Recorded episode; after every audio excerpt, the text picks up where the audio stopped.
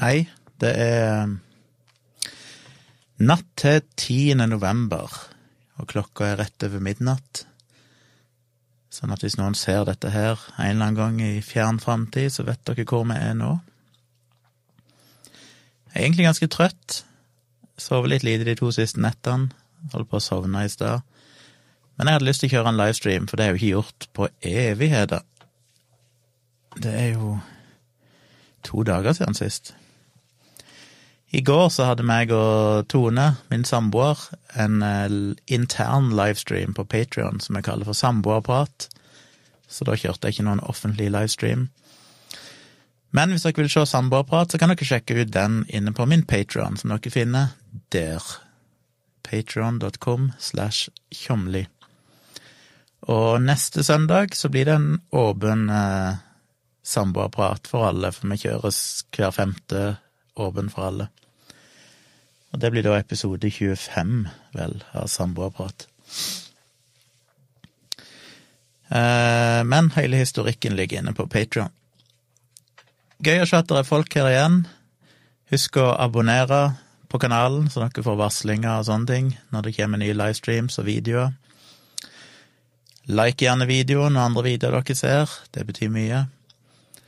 Og så er det fint om dere stiller spørsmål og kommenterer underveis. Så skal vi prøve å få til en liten nattlig prat som vanlig. Gregers, han var jo eh, førstemann ut. Viser en feil kommentar der. Gir IQ-tester egentlig noen god indikasjon på hvor intellektuell et menneske er? Har aldri tatt en test selv, fordi jeg ønsker ikke det skal begrense slash definere meg.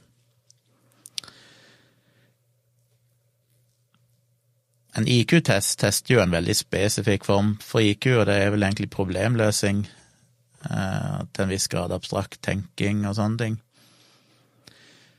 Så det gir jo definitivt en indikasjon på IQ-en, men det er vel vanskelig å Jeg er ekspert på det, men det har jo vært mye diskusjoner selvfølgelig om eh, IQ-tester er helt kulturelt eh, nøytrale, for eksempel.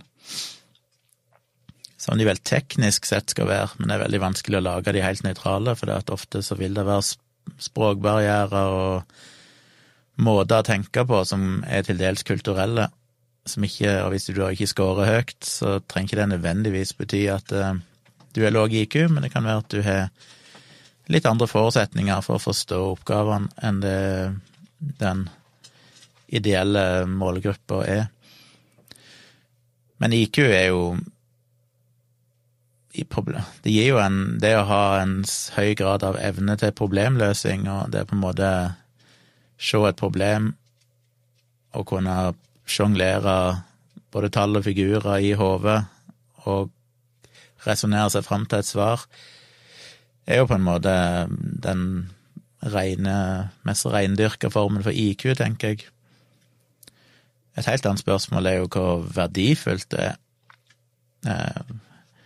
Generelt sett så er det vel mye data som tyder på at høy, folk med høy IQ generelt sett eh, klarer seg bedre, fordi du har du høy IQ, så vil du òg ha en styrka evne til å forstå verden rundt deg og ta ofte, vil jeg anta, ta til dels gode valg. Litt sånn generelt, selvfølgelig ikke alltid.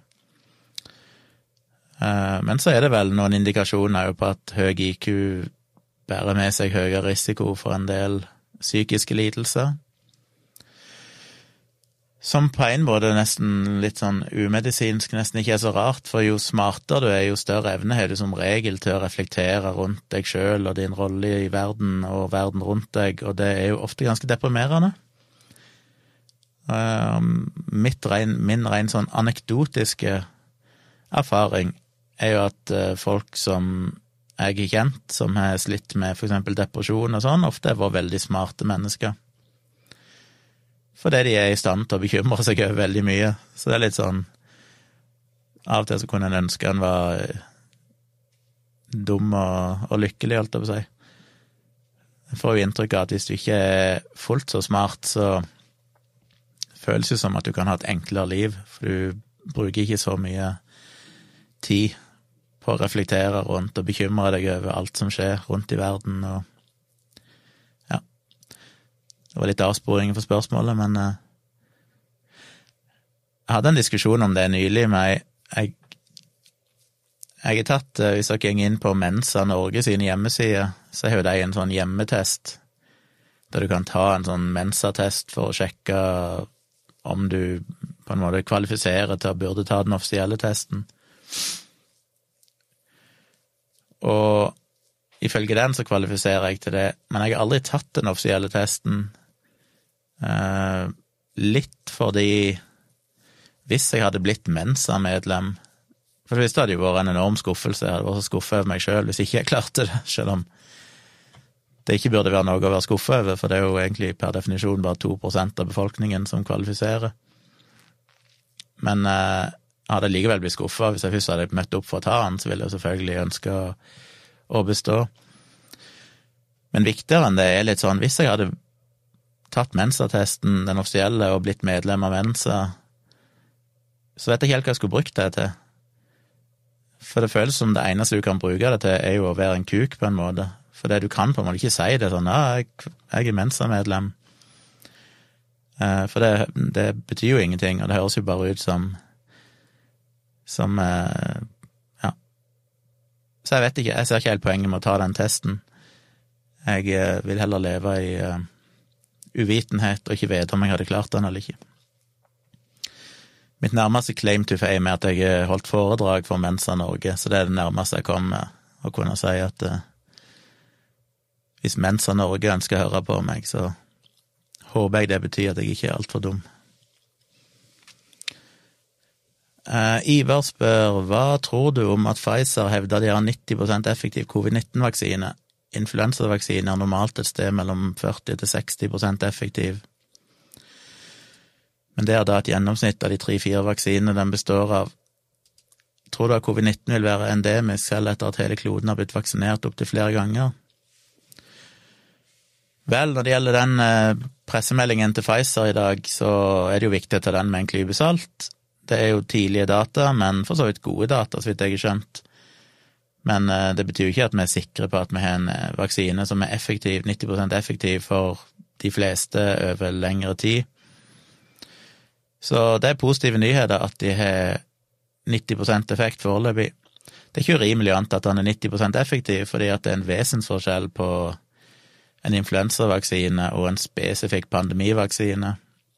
Eh, vaksinen mot uh, svineinfluensavaksinen i 2009, den var jo òg regna til å være rundt 90% effektiv.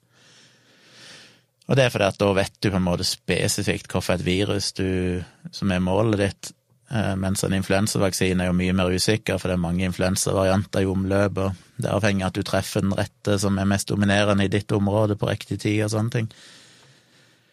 Så du skriver at influensavaksine er normalt et sted mellom 40 til 60% effektiv.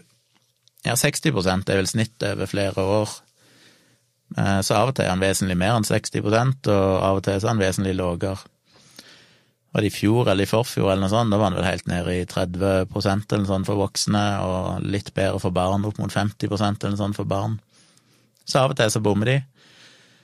Men eh, 60 er på en måte gjennomsnittet, så det vil si at han er ofte bedre enn det òg.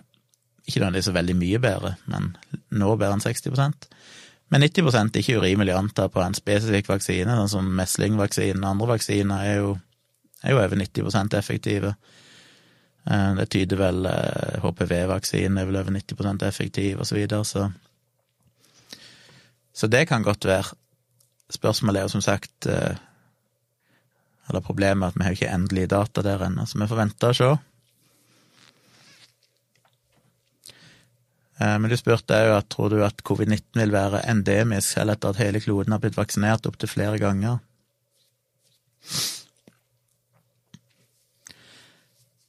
Ja, jeg, igjen, jeg er ikke noen, noen ekspert, men ut ifra sånn jeg har forstått det, så tror jeg eh, nok vanskelig vil kunne utrydde på noe selvs vis korona, eller SARS, COV2, det nye koronaviruset. Jeg mener H1N1-varianten som sto bak pandemien i 2009, er jo fortsatt i omløp.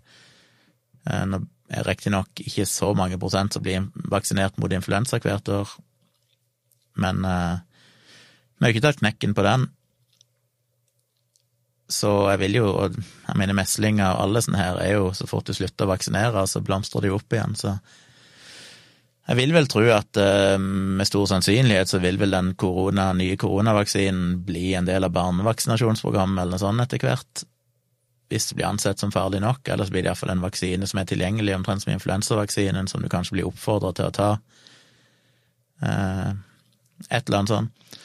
Men jeg tror nok mest sannsynlig at vi må leve med det nye koronaviruset i uh, lang tid.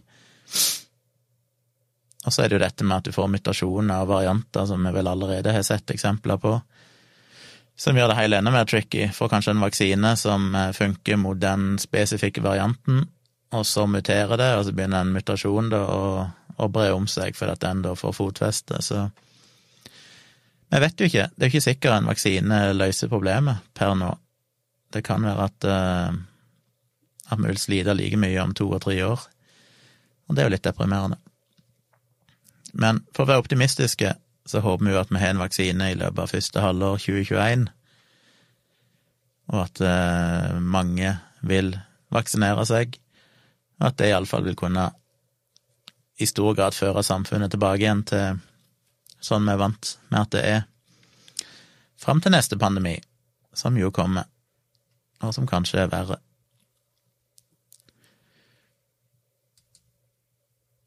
Thomas skriver risikerer å miste denne livestreamen, for Telenor har bestemt seg for å redusere kvaliteten på kabelinternett til fordel for mobilt bredbånd, virker det som. Det så jeg faktisk du kommenterte inn på Facebook til Telenor, at det var noen eh, brudd på linja. Jeg har Get, for det er det eneste vi kan få her i, dette, i denne blokk, i dette borettslaget, ikke noe valg. Men det har for så vidt vært relativt, relativt stabilt flere her som har hatt problemer med Telenor kabel, tidligere Kanal Digital. Det får andre svare på. God kveld, Naomi. Ekvivok skriver Thomas, kabel-TV er spesielt utsatt for utvendige faktorer som temperatur og støy. Hvis nettet er dårlig designet, så kan det at naboen din knoter med noe han ikke skal, påvirke deg. Ja. Hakk Meksul. La oss håpe de første vaksinetypene ikke gir narkolepsi eller lignende til mange. Svineinfluensavaksinen var det vel.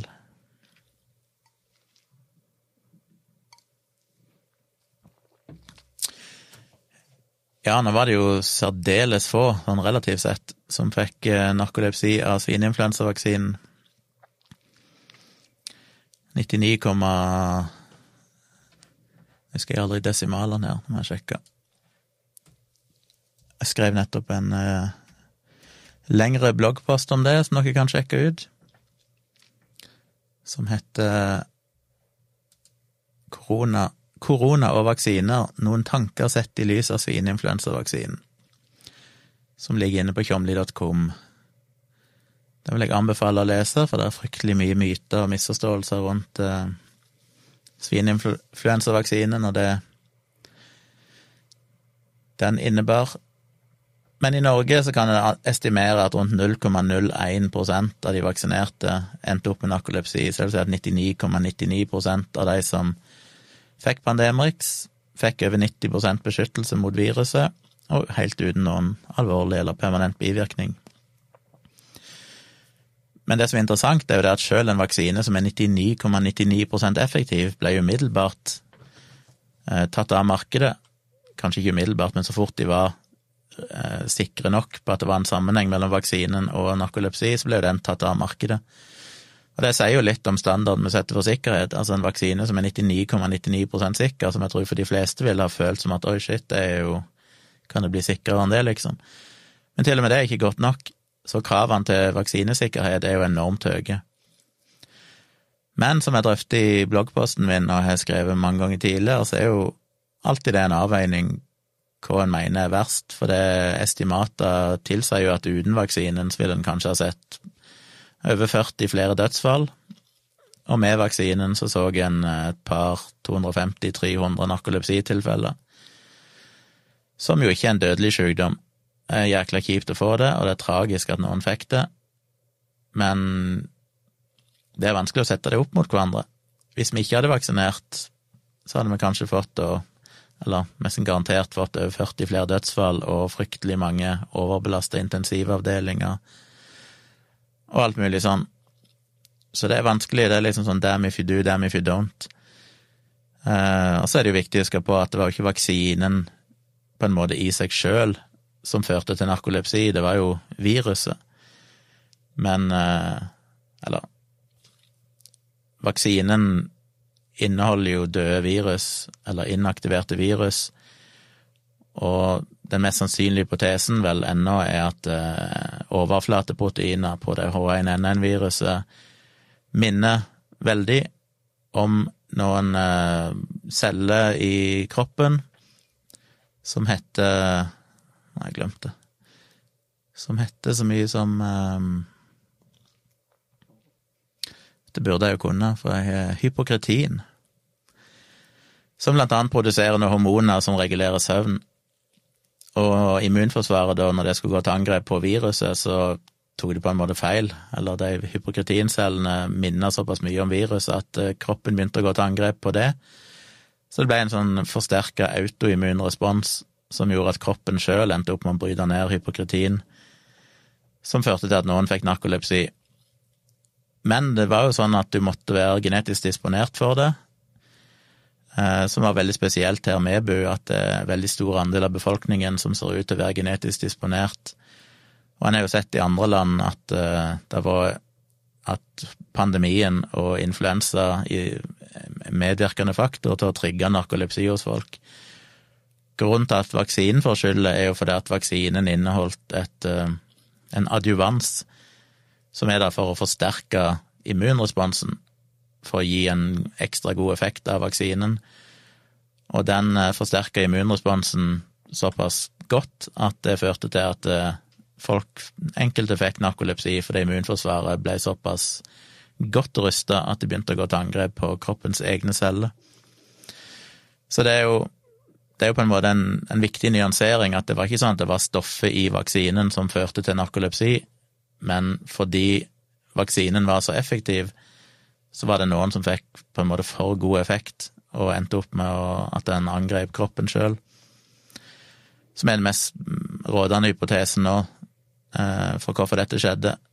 Så av de som fikk narkolepsi etter vaksineringa, så vil jo en del av de ha fått det av og fått influensa òg så hadde de ikke blitt vaksinert og fått influensa, eh, den svineinfluensaen, så ville jo en liten andel av de sannsynligvis fått narkolepsi av det i seg sjøl, helt uvaksinert. Men vaksinen førte til at mange, mange flere fikk narkolepsi som ellers ikke ville fått det uten vaksinen.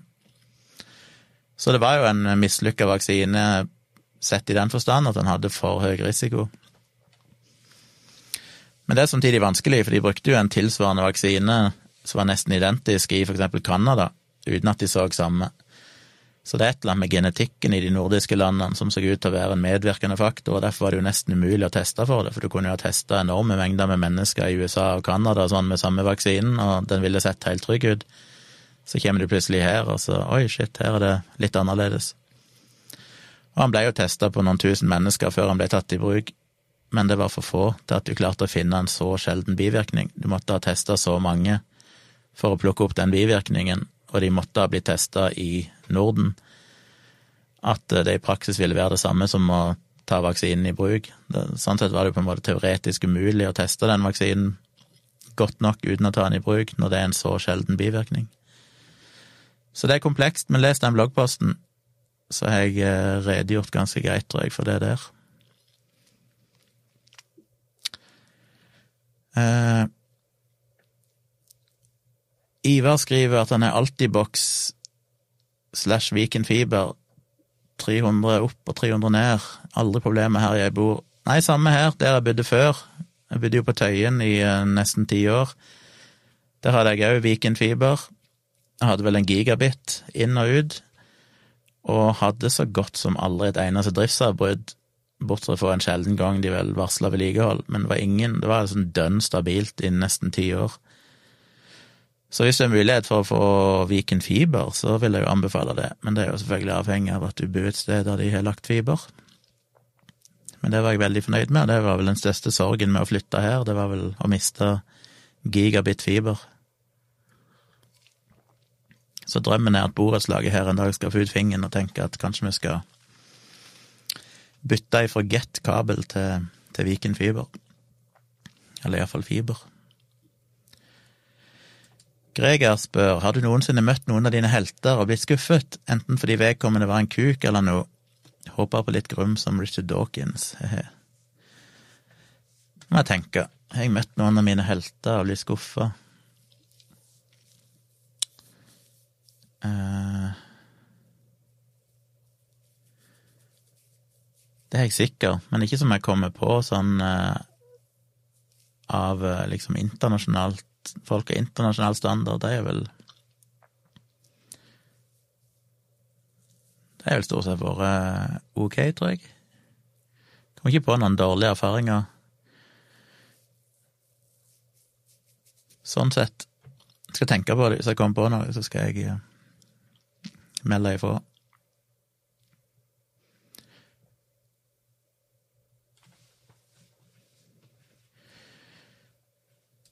Hakk Mexul skriver på tanke om Richard Dawkins, var innom YouTube tidligere og gikk på Christopher Hitchens binge.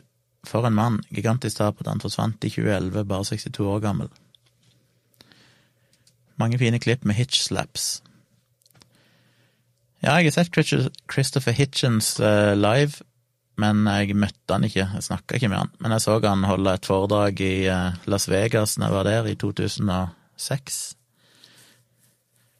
Eh, så fikk jeg sett han, men det var ikke det mest interessante foredraget. Jeg husker ikke helt, men jeg mener han holdt foredrag om en eller annen amerikansk president. Så det var ikke sånn typisk skeptikerforedrag, og det var ikke et tema jeg var sånn fryktelig interessert i. Men eh, ja. Var fin, fin fyr. Men han levde jo et liv som mer eller mindre la opp til at det måtte gå galt før eller seinere. Ivar skriver mye høyere, men som Gunnar sa, den er mer spesifikk for et virus, mens influensavaksinen har flere vaksiner. Ja, han svarte vel Thomas, som skrev at 90% av det høy effektivitet, høyere enn for influensa. Ja, jeg bare hoppet over den, for jeg svarte jo på det tidligere i streamen her, så jeg tenkte jeg skulle ikke gjenta meg sjøl. Hakmeksul skriver min halvbror har narkolepsi, så er litt småredd i forhold til genetikken. Tenker å ta vaksine uansett, får bare håpe man ikke er maks uheldig. Skal sjekke ut bloggposten, takk for tips. Ja, jeg tror det skal veldig mye til at eh, denne vaksinen uansett eh, skulle kunne føre til narkolepsi. For som sagt, det var ikke vaksinen, altså det er ikke noe sånn at stoffene i vaksinen førte til narkolepsi, det var jo viruset at det viruset som var i vaksinen, tilfeldigvis minner om eh, hypokritin. Og det vil vel være rart om eh, SARS-CoV-2-viruset eh, skulle være tilfeldigvis ha de samme proteinstrukturene som H1N1-viruset. Så det, det, er veldig, veldig, veldig viktig å huske på at det var altså ikke stoffene i vaksinen som førte til narkolepsi, det var viruset i vaksinen som minner om hypokritin, og derfor gikk immunforsvaret ikke bare til angrep på H1N1-viruset, men også på kroppens eget hypokritin. Så akkurat det tror jeg ikke jeg vil være bekymra for, og det er jo ikke noe som er knytta til andre vaksiner, så Så der tror jeg jeg vil slappe av. Men alle vaksiner kan selvfølgelig ha ukjente bivirkninger som er sjeldne. Og Derfor er det jo mange faser av testing. Den eh, testinga som pågår nå, er jo fase tre-testing. Det vil si at de tester vaksinen på et ganske stort antall mennesker, gjerne 30 000-50 000 mennesker, mot kontrollgruppe for å se om eh, for å se om vaksinen, om de som er vaksinert, i mindre grad blir smitta av koronaviruset. Men eh, så er det viktig å huske på at etter vaksinen er fått markedsføringstillatelse, som betyr at den blir tatt i bruk, eller den blir godkjent, og så må jo da eventuelt norske myndigheter godkjenne han og alt det her, men hvis den blir tatt i bruk, så vil en jo gjerne ha det en kaller for fase fire-studie, som er et sånn overvåkingsprogram der du da følger veldig nøye med. Og sånn var det jo med H1N1-vaksinen, at det var jo en eh, Det ble vel oppretta egne portaler sånn for å rapportere inn bivirkninger. Det er ganske aggressiv overvåking da, for å prøve å finne ut om det er bivirkninger som kan være knytta til vaksinen.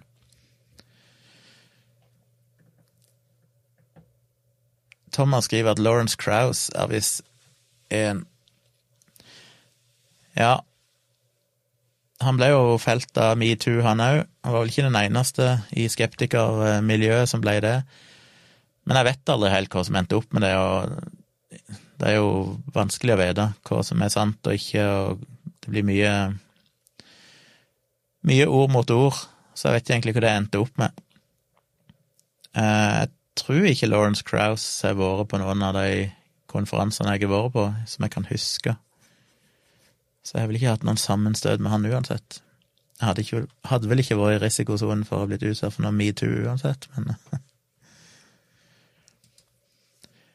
Gregerstam Dram skriver Hva er psykologien bak trolling slik du ser det, og er det en slags digital atferdsforstyrrelse, avhengighet for noen? Det kommer jo først av alt uh, an på hva du mener med trolling, for det opprinnelige begrepet med trolling var jo egentlig kødding, mens trolling nå har jo blitt uh, definert som alle som er slemme i kommentarfeltet. Og det er jo en vesensforskjell, for den opprinnelige trollinga var jo folk som skrev ting på kødd bare for å hisse opp folk, der de aktivt gikk inn for å provosere bare for å provosere. Men så ble jo det begrepet plutselig kapra av media og andre som begynte å kalle alt mulig form for slemme folk i kommentarfeltene for troll, kommentarfelttroll, som jo er misbruk av begrepet, egentlig. Men så psykologien bak den opprinnelige trollinga, det var vel bare folk som eh, kjeda seg, holdt jeg på å si, eller syntes det var kult å kunne være anonyme og skrive ting de ellers ikke ville turt å si. Den mer moderne trollinga er jo ofte folk som på ingen selvs måte er anonyme, de bare skriver forferdelige ting. Er det en slags digital atferdsforstyrrelse? Nei, jeg tror vel egentlig det er Jeg tror vel egentlig det er um, bare at uh, internett uh, og web 2.0 har senka terskelen for å kunne ytre det en mener. Jeg vil vel ja, igjen, jeg har ikke helt oversikten, men jeg vil vel tro at Det er vel litt som med Trump i USA, som jeg snakker om flere ganger, at når han går og baner vei for å si ting som tidligere ikke ble akseptert å si høyt, så begynte plutselig mange flere i befolkningen å være åpenlyse rasister, for eksempel. Det er ikke fordi de plutselig er blitt rasister, det er jo bare fordi de plutselig har fått muligheten til å kunne si det uten å føle at det er noen eh, At de blir straffa for det sosialt eller juridisk. Og det føler jeg litt sånn med internett òg. Det, det, er jo bare en refleksjon av sånn menneskene egentlig er. Men de har vel en slags idé om at uh, internett, selv om de skriver under fullt navn, så føler de vel kanskje at det er ofte i lukka grupper, og det er Jeg vet ikke om de bare føler at det er sikkert ingen andre som ser det, av de de omgås daglig. Selv om det er når du skriver offentlig, og teknisk sett alle kan se det, så føles det kanskje bare som at det er noe du skriver på en dovegg. Det er, det er ikke noe naboen din kommer til å få med seg. Så det er kanskje ikke noe du ville sagt høyt i et selskap, men det føles som mer anonymt å skrive det offentlig på en, uh, i et kommentarfelt, for eksempel. Jeg vet ikke om jeg vil kalle det for noe atferdsforstyrrelse eller noe sånt, for jeg tenker jo bare at det primært bare er at folk plutselig får en arena der de kan ytre ting de egentlig mener. Og eh, Jeg må tenke litt mer på det. Kom gjerne med innspill hvis dere har noen eh, tanker rundt akkurat det. Osni skriver 'Hvilken hårvoks bruker du? Det håret ditt er jo aldeles vakkert'. Ja, ikke sant? Det er min samboer som klipper meg og mitt mål her i livet er å ha verdens enkleste rutine på håret mitt, for det har jeg ikke tid til å bruke tid på. Så det er bare en eller annen voks som jeg kjøper på butikken, jeg husker ikke hva den heter, som bare bom, bom, bom, og så gjør jeg et eller annet med håret. med hendene mine, og så får det bare være sånn. jeg er mest fornøyd med at jeg har hår. En betydelig andel av mine jevnaldrende klassekamerater sånn er jo skalla eller tynnhåra for lenge siden. Jeg har gode gener når det gjelder hår, det er fortsatt eh, robust. Hakk Meksul skriver at Hitchens drakk og røyka mye, sånn du mente i forhold til at det måtte gå galt. Ja, det var jo det jeg tenkte på, han levde jo ikke akkurat en, eh, en sunnhetens livsstil. Og når du da ender opp med å få hva han fikk, var det ikke kreft i eh, halsen eller et eller annet sånt? I strupehodet eller kreft i et eller annet sånt han fikk, så er jo det ganske nærliggende å være knyttet opp mot både røyking og intens inntak av alkohol over lang tid. Det vet en jo selvfølgelig aldri, han kunne fått det uansett av rene tilfeldigheter, men eh, han økte iallfall oddsen ganske kraftig for at han skulle få en kreftsykdom på sikt.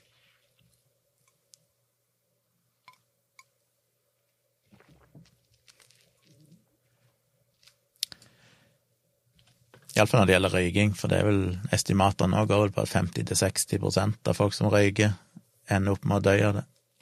Ikke bare av kreft, men av andre hjerte-karsykdommer og diverse sånne ting. Så det å røyke er jo basically som å si at du gir deg sjøl mindre enn halvparten mindre enn 50 sjanse å overleve like lenge som du ellers ville gjort. Har du noe innblikk i QAnon-miljøet i Norge, spør Anders. Nei, det kan jeg ikke si at jeg har. Det eneste jeg registrerer, er jo at det er sjokkerende å se i diverse Facebook-grupper og sånn, hvor mange Eller mange og mange, det er vanskelig å sette tall på det. Men at det i det hele tatt finnes noen som åpenbart svelger QAnon-konspirasjoner og skriver det som om det er sannheter i kommentarfelt. Men det er litt som eh, vi har alltid diskutert i mange, mange år, i den tida jeg var mer aktiv blogger om vaksiner og sånne ting. Så det er alltid et spørsmål om hvor mange er det egentlig av de her mest ekstreme antivaksinefolkene, og da snakker jeg ikke om folk som egentlig ikke har satt seg inn i det og bare har lest et eller annet og kanskje er litt usikre på vaksiner, men da mener jeg liksom de der rabiate antivaksinefolkene som sprer bare rene løgner, som det er helt sjokkerende, som er omtrent på nivå med QAnon. Det hadde tatt deg to minutter egentlig hvis du hadde hatt ønske om å se, sjekke ut hold, om du har hold i dine påstander, men, men det ville de ikke. Så det er vanskelig å vite hvor stort antall det er. Liksom, er det 30 veldig høylytte personer? Eller er det hundrevis eller tusenvis? Men jeg vil jo anta at av QAnon, sånn dedikerte QAnon-tilhengere, så vil overraske meg om det var veldig mange. I beste fall noen hundre, men det er bare rein gjetting. Men det er ikke noe spesielt eh, innblikk i det, nei.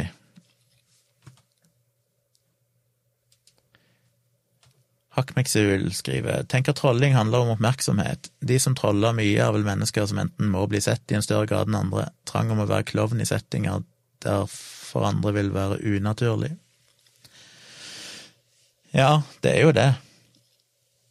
Det er jo klart det er en, eh, et ønske om å få oppmerksomhet, men det føles òg som et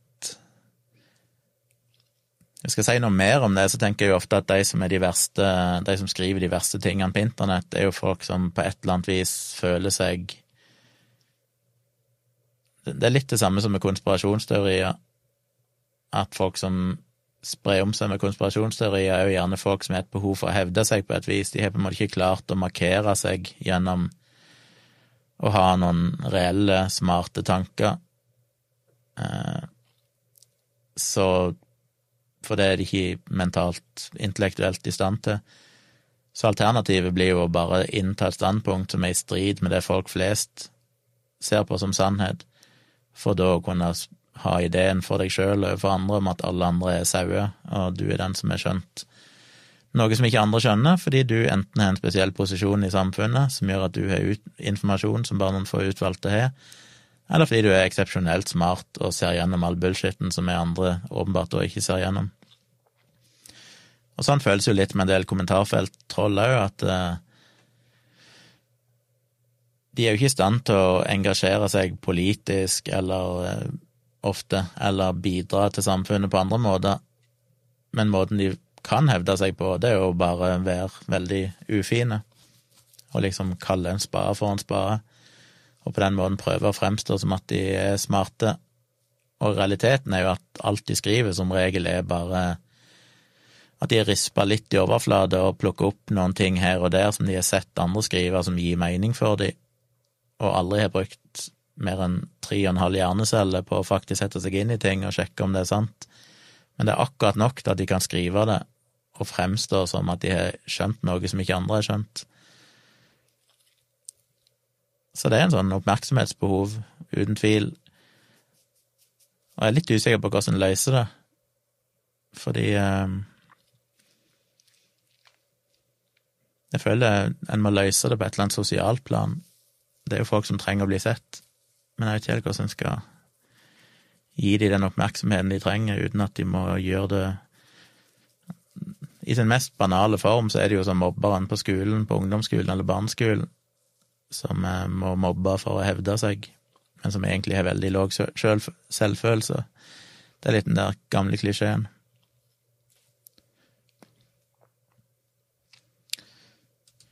Thomas skriver at Roger Penrose, Neil deGrasse Tyson, Michio Kaku, Brian Cox høres ut som en hyggelig gjeng.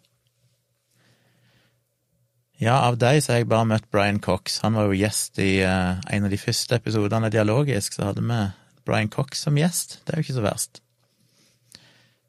Uh, fikk jo ikke være med han så lenge, men uh, hadde vel en times tid med han. Der vi snakka litt med han før og etterpå, og under selve innspillinga av podkasten. Men han var jo trivelig. Men han er jo brite, og briter er jo trivelige. Det sier jeg bare for jeg er halvt engelsk.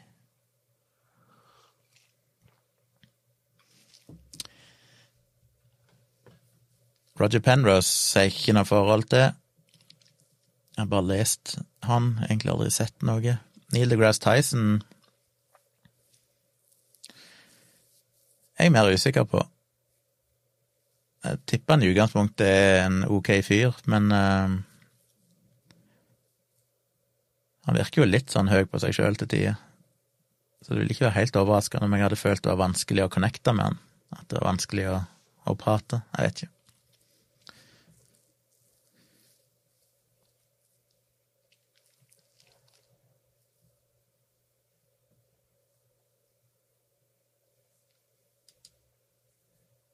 CO skriver, og det tenkte jeg på når jeg sa det, hvis jeg kom til å få den i retur.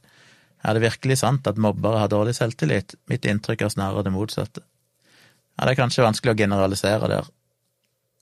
Jeg vet jo for min egen del, jeg skrev en bloggpost for noen år siden som heter Ja, der skrev jeg om at jeg hadde blitt mobba, men at jeg definitivt òg hadde mobba andre. Og i den grad jeg mobba andre, så var det jo definitivt av lav sjøltillit. Det var min måte å være en del av gjengen på, liksom, og ikke tørre å stå opp eh, for eh, det som var rett, fordi jeg ikke ønsker å skille meg ut. og Jeg var jo ikke en aktiv mobber i den sånn at jeg pekte meg ut ved å mobbe andre, men jeg hadde litt for lett å henge meg på ting, bare fordi at jeg ikke turte å, å stå aleine på samme måten i alle sammenhenger. Så jeg vil definitivt si at du kan være mobber på grunn av dårlig selvtillit, men jeg vil jo anta at det sikkert òg finnes mobbere som gjør det fordi de er litt for høye på seg sjøl. Så ja.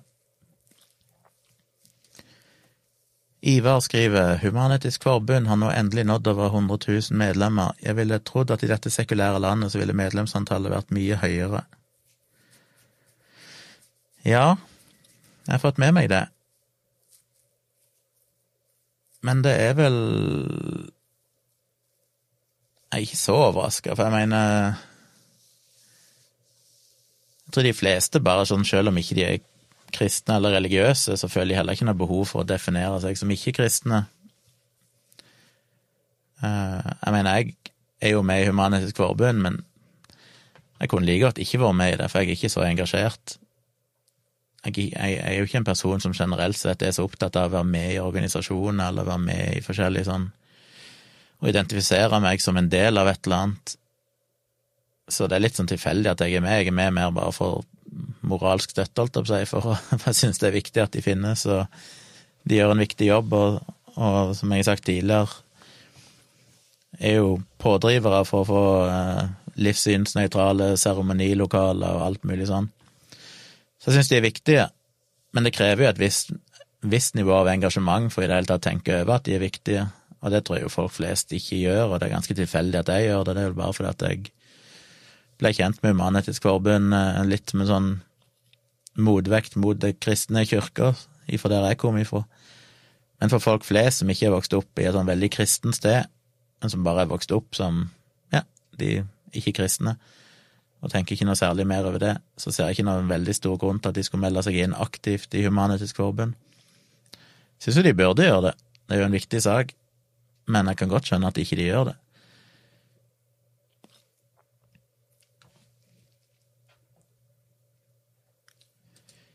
Jonathan skriver, er du redd for at samfunnet i Norge skal bli så polariserende som det er i USA? Enkelte partier i Norge ønsker å amerikanisere, det samfunnet vårt. Hva er ulempene med dette?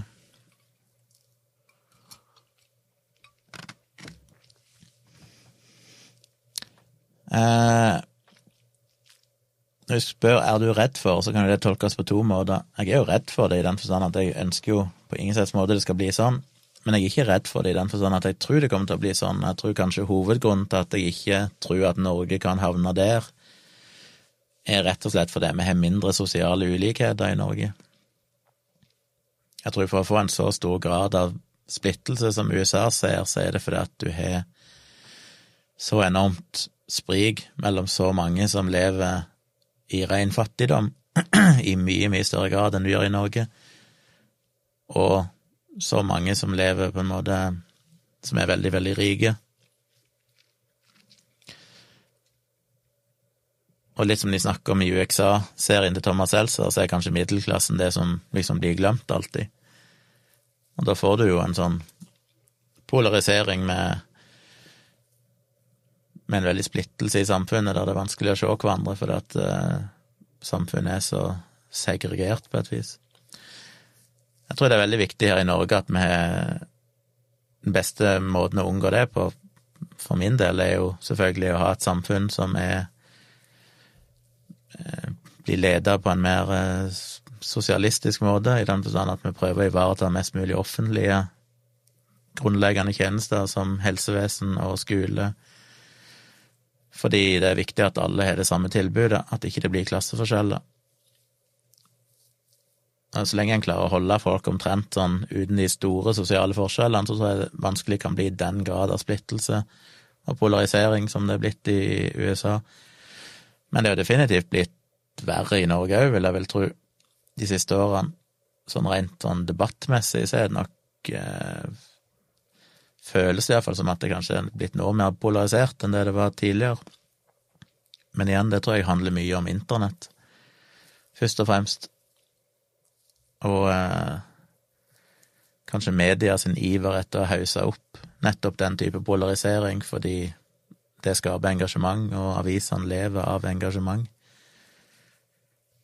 Så det er litt den der eh, kampen mellom sosiale medier og tradisjonelle medier som gjør at det blir en sånn ond spiral, som gjør ting stadig mer polarisert. Men jeg tror ikke det blir så ille som i USA. Det får jeg virkelig håpe det kan bli så ille som i USA hvis Frp gradvis får mer og mer innflytelse, og Listhaug og co. klarer å få å skape et samfunn med stadig mer eh, forskjeller og splittelse, som de virker av og til som de aktivt prøver. Så kan en jo ende opp der, men så lenge vi klarer å holde dere på den linja vi holdt dere i ganske mange tiår nå, med små forskjeller mellom folk, sånn generelt sett, så tror jeg ikke det skal gå så galt.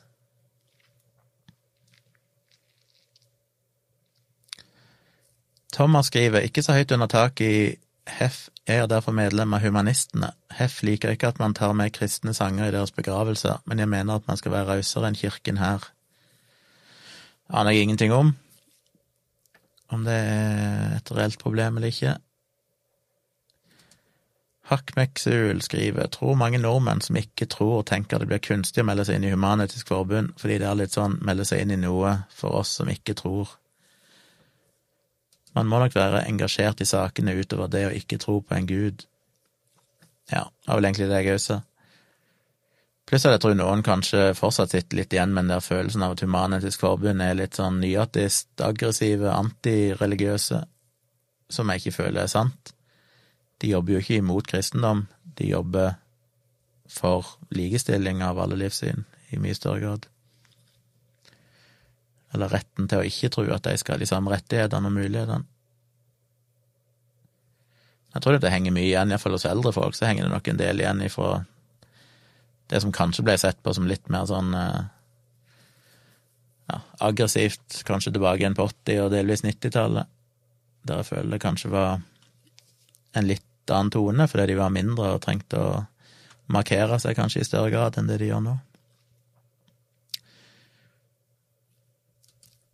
Greger Stram skriver Hva tenker du om at flere i Norge er mer åpne for å legalisere cannabis, og ville du prøvd det til rekreasjonelt bruk dersom det ble lovlig?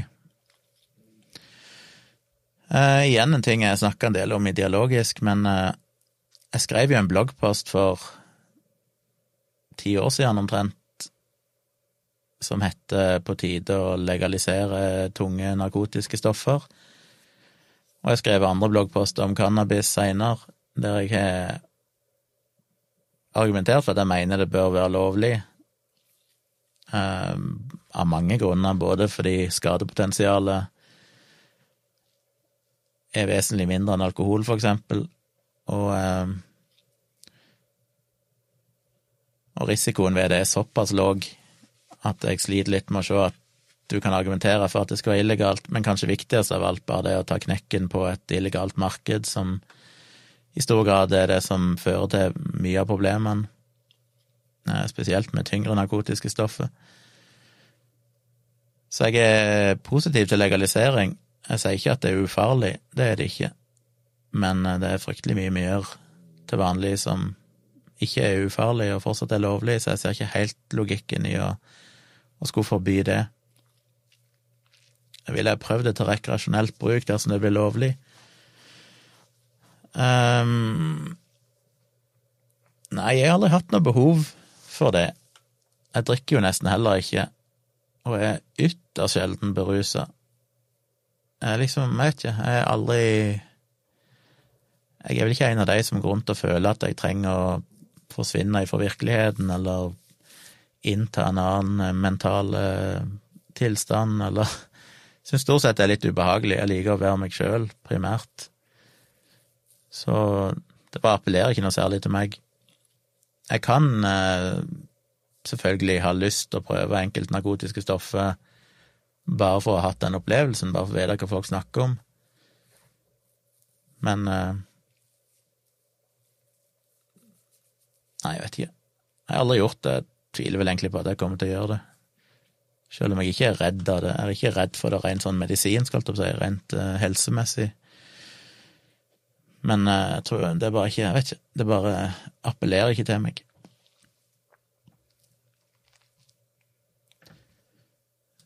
Thomas skriver kirken godtar jo stort sett sangen Din tanke er fri, det skal de ha, selv om hele seremonien er altfor religiøs. De kaller det for liturgipakke så en litt kristen seremoni er utelukket. Ja, det vet jeg som sagt ingenting om, om det er om det er Hef sin politikk, holdt jeg på å si, eller om det er mer tilfeldigheter hvem en uh, møter. Anomi sier er heller ikke med i HEF, mest fordi jeg ikke blir medlem i organisasjoner jeg ikke blir aktiv i, men kunne tenkt meg å donere her og der når jeg har cash. Sorry om jeg skrev nesten samme melding to ganger når chatten hang seg opp i stad. Jeg tror ikke du skrev den samme meldinga tidligere, så jeg har fått med meg. Ja, nei, jeg skjønner jo som sagt, som jeg har sagt nå, at jeg skjønner jo at folk ikke melder seg inn i HEF, bare fordi at folk flest ikke er så engasjerte, og det er ikke så viktig for dem å markere seg. Ehm, det betyr ikke at ikke de nødvendigvis støtter HEF, men jeg tror bare det er jo et skritt å ta for folk å melde seg inn i ting. Det er jo folk er travel nok hverdag, om ikke de skal måtte engasjere seg nok til å melde seg inn i et eller annet i tillegg. Det er sikkert mye jeg òg burde ha meldt meg inn i, av ting jeg støtter, men det er liksom Og jeg er jo ikke noe aktiv i HEF. Jeg er vel ikke aktiv i noen ting av det jeg er medlem av, tror jeg. Nei, hva er det jeg er medlem av? Jeg er vel teknisk sett medlem av SV, for jeg betaler vel en kontingent der i ny og ne, en gang i året, eller hva det er. Og jeg betaler vel en kontingent til HEF. Utover det så um, tror jeg ikke jeg er med i noe. Jeg gir jo penger til noen veldedige organisasjoner og sånn, men det er jo bare Det er ikke noe jeg er aktiv i eller engasjerer meg i. Jeg skulle egentlig ønske de kunne ha Sånn som Leger uten grenser, de driver og sender meg det der en gang i måneden, eller hva det er. Sender meg sånn brev med informasjon om alt de driver med og sånn. Og tenker sånn, jeez, kan du ikke bare slutte med det? Bruk heller de pengene på å hjelpe folk. Jeg regner med de kanskje har noen analyser som tilsier at det totalt sett så går de i pluss ved å gjøre det. Men jeg blir bare irritert, for det er sånn, dette her går rett i søpla. Jeg har null interesse av å lese det. Jeg ønsker å støtte dere, men spar meg for sånn søppel i posten.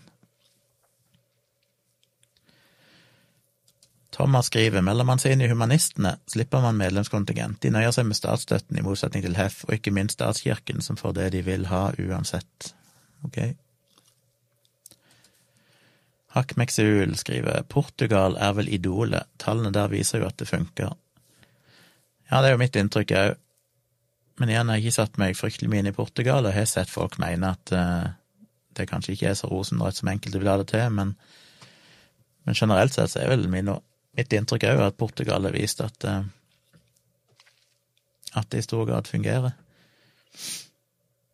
Det kanskje mer interessant er jo bare å se på USA etter hvert så kommer mer solide data på hvordan det funker for forskjellige stater å legalisere cannabis der.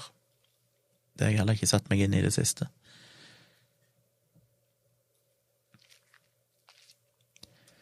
Thomas skriver dette hadde vært noe, en episode av Dialogisk der Dag og Gunnar er steine.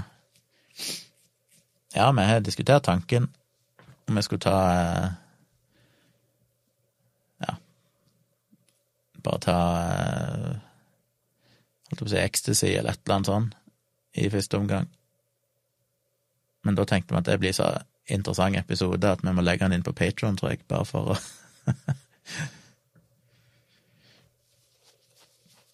Men da gjort det med en uh, psykolog eller alt si, en eller annen ekspert i studio som kunne være med og, og gjøre det til et litt mer vitenskapelig forsøk, seg. Alt si. Ikke vitenskapelig, da, men et litt mer sånn informativt eksperiment. Jonathan skriver jeg vil heller ikke bli satt i en bås bare fordi jeg ikke tror på Gud. Er ikke det det verste med religiøse, er ikke det verste med religiøse nettopp at de samler seg i et ekkokammer? Derfor er det vel en selvmotsigelse å være i HEF. Og fortsette, det å være en haug med ateister som snakker dritt om religion, er vel ikke noe bedre enn å være en haug med religiøse som snakker om Gud og Jesus, var poenget mitt. Ja, nå klarer jeg ikke helt å sammenligne de to tingene, for det for det første, det var medlem i uh, HEF, som jeg har vært i en del år, så jeg har aldri vært med på noe spesielt i regi av HEF, og uh, jeg syns jo ikke HEF snakker dritt om religiøse, men de prøver å forholde seg til på en måte vitenskapelig og kritisk tenking, som jo ofte implisitt tilsier at en er skeptisk til religion religiøs tro. Men jeg tror nok det er litt sånn ikke helt korrekt å innbille seg at hvis du er med i HEF, så er det en Det er forskjell på HEF og uh, det som før het Hedningssamfunnet, men som nå heter Ateistene. De det er nok litt mer den der nedlatende holdninga til religion, og litt mer sånn tydelig sånn antireligion. HEF er jo ikke antireligion, de er mer et alternativ til religion. Så jeg har aldri opplevd HEF som et ekkokammer. For litt av poenget med HEF er jo at uh, du skal kunne være uenig, og vi er veldig uenige. Jeg er veldig uenig med mange andre som jeg kjenner som er med i HEF. Men målet er jo å tenke kritisk, så kan en komme til forskjellige konklusjoner. Hvis du er religiøs, derimot, så er det jo på en måte en slags sannhet som er, skal være felles for alle, og som ikke rommer muligheten for den kritiske tenkinga. Og det er jo på en måte en diametral ulikhet, så er det litt vanskelig å si at det er samme sak.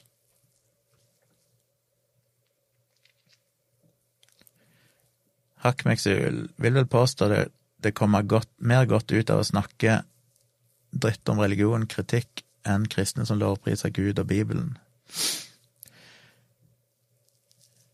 Ja, jeg mener jo det er ganske vesensforskjell på det. Hengedy de? Skriver jeg tror organisasjoner som HEF kan være viktig for folk som bryter ut av religiøse sekter, Jehovas vitner og lignende. Ja, HEF er jo viktig bare fordi at uh, du trenger en motpol til det som er på en måte defaulten i samfunnet, eller har vært det i veldig, veldig lang tid. Noen som kan stå på for rettighetene til de som ikke ønsker å være en del av kirka, og ikke ønsker å måtte tilpasse seg det som er statsreligionen, eller som er vår statsreligion, eller den dominerende religionen. Eh, så det er jo viktig med HEF. Det er ikke sånn at eh, det er nok å bare si at ja, ja, men de som ikke vil være kristne, trenger ikke være kristne. Det er greit nok. Men du må ha noen som er organiserte, og som jobber for rettighetene deres. For det kommer ikke av seg sjøl. Og Hef har nok gjort mye, som sagt, for å jobbe for uh, alt ifra hvilken rolle kristendommen skal ha i undervisning, til å få ordna livssynsnøytrale seremonirom, der folk kan gifte seg og bli begrava og alt mulig sånn. det er veldig mye som Hef gjør, og de har jo kjørt aktive kampanjer i mange år for kritisk tenking og vitenskap, som bare i seg sjøl er verdt å støtte. Så jeg tror nok definitivt Hef er viktig og nødvendig. Karoline, hei, lenge siden jeg har sett deg. Det er mange som bryter ut av Div trossamfunn som fremdeles er kristen, men er det kristne som er medlemmer av HEF, tror dere? Det vet jeg ikke. Det får andre svare på.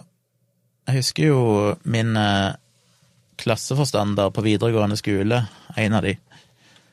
Han omtalte seg, han var jo lærer i religion, og han omtalte seg som en eh, kristen humanist som vi vel aldri helt skjønte. For vi følte jo at en humanist er jo på en måte Har ofte de, mye av de samme verdiene på det rent sånn menneskelige planet som en kristen har, bare uten den religiøse trua, eller truen på noe overnaturlig, truen på en gud. Så en kristen humanist føltes litt som en sånn smør på flesk. Da sier du at du er tilhenger av kristne verdier, men du ikke nødvendigvis du tror ikke nødvendigvis på en gud, men da er du jo på en måte humanist i stor grad. Så jeg skjønte ikke helt hva han mente med kristen humanist.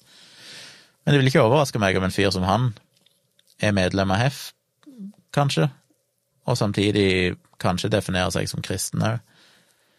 Eh, og jeg kjenner jo folk som kanskje definerer seg som kristne, men som på ingen slags måte nødvendigvis tror at den guden som er omtalt i Bibelen, er, eksisterer, men mer at Bibelen er, skal mer tolkes som symbolsk på et eller annet vi ikke vet hva er, eller med noe som er større enn oss sjøl, og sånn, litt mer sånn diffust.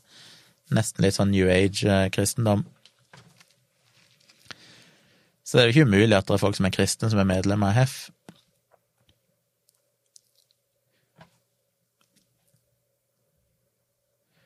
Hakmeksul, har du fått med deg The Atheist Experience, amerikansk call-in-show, ganske oppegående gjeng? Ja, jeg har sett en del av det.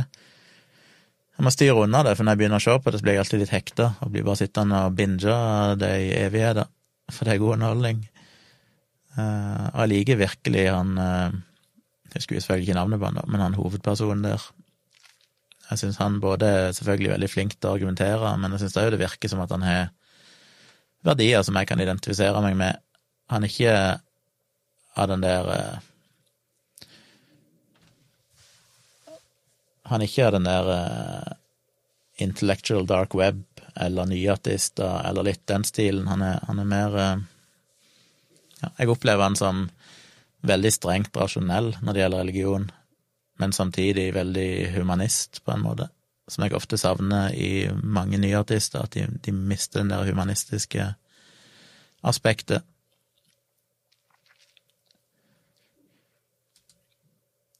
Thomas skriver verden trenger mer religionskritikk. Religion fører til så mange problemer. Det ser vi jo på nyhetene hver uke. Ta abortsaken i Polen som eksempel, eller hets mot homofile osv. Ja, Norge er jo ikke et land som selvfølgelig er prega veldig av det lenger. heldigvis. Vi har jo kommet veldig langt. Men det er jo definitivt land der religion har altfor mye makt fortsatt. Og det er jo egentlig Nøkkelordet er jo makt. Religion som ikke er knyttet opp mot makta, er ofte ikke det største problemet, selv om det er selvfølgelig problemer i familier og sånn òg. Det er mye dritt som skjer i religionsnavn innad i familier. Men det er jo aller verst når det blir sånn at det blir veldig tett knytta til makta i et land. Så religionskritikk trengs, og det er jo en viktig eh, funksjon av Human-Etisk Forbund og andre òg, da.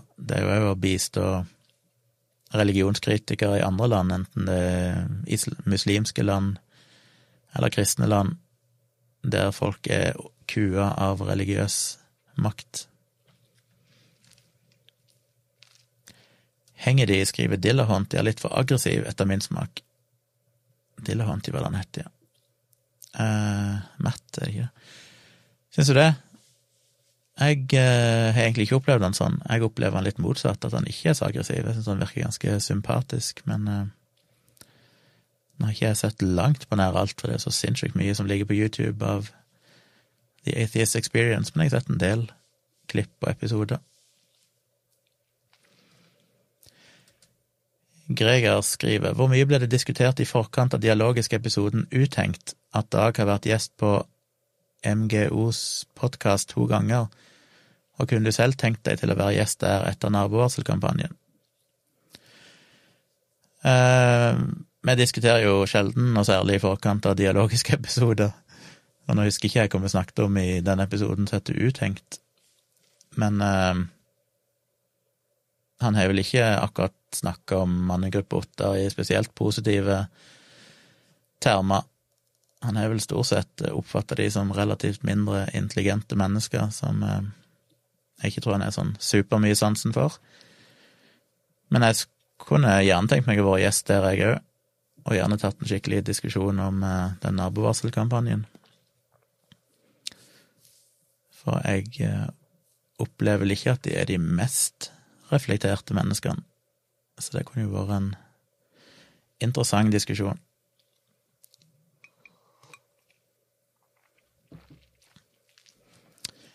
Thomas skriver ikke alle som bryter ut av sekter, slutter å tro på en gud, dessverre, men bra at Hef er der og hjelper dem som ønsker det. Ja, jeg syns jo selvfølgelig at det er rart at noen kan tro på en gud, men jeg syns ikke det er et stort problem at noen tror på en gud, med mindre det ender opp med å, å bli en, en eh, Med mindre det begynner å overstyre den kritiske tenking. Jeg kjenner jo som sagt flere som definitivt tror på en gud, men som er like kritiske som skeptikere jeg kjenner, holdt jeg på å si. Det er jo til og med ledende skeptikere i norske skepsis som er dypt religiøse, og som mener det ikke er noen konflikt, som jeg heller ikke helt skjønner. Men jeg ser jo ikke på det å tro på en gud, for det Gud kan være så mye, det kan være så mange måter å tro på en gud som ikke nødvendigvis påvirker din oppførsel, som kanskje i beste fall bare gjør at du oppfører deg mer ydmykt overfor deg sjøl og verden og andres ideer. Problemet er jo primært organisert religion, og religion eller gudstro knytta opp mot makt.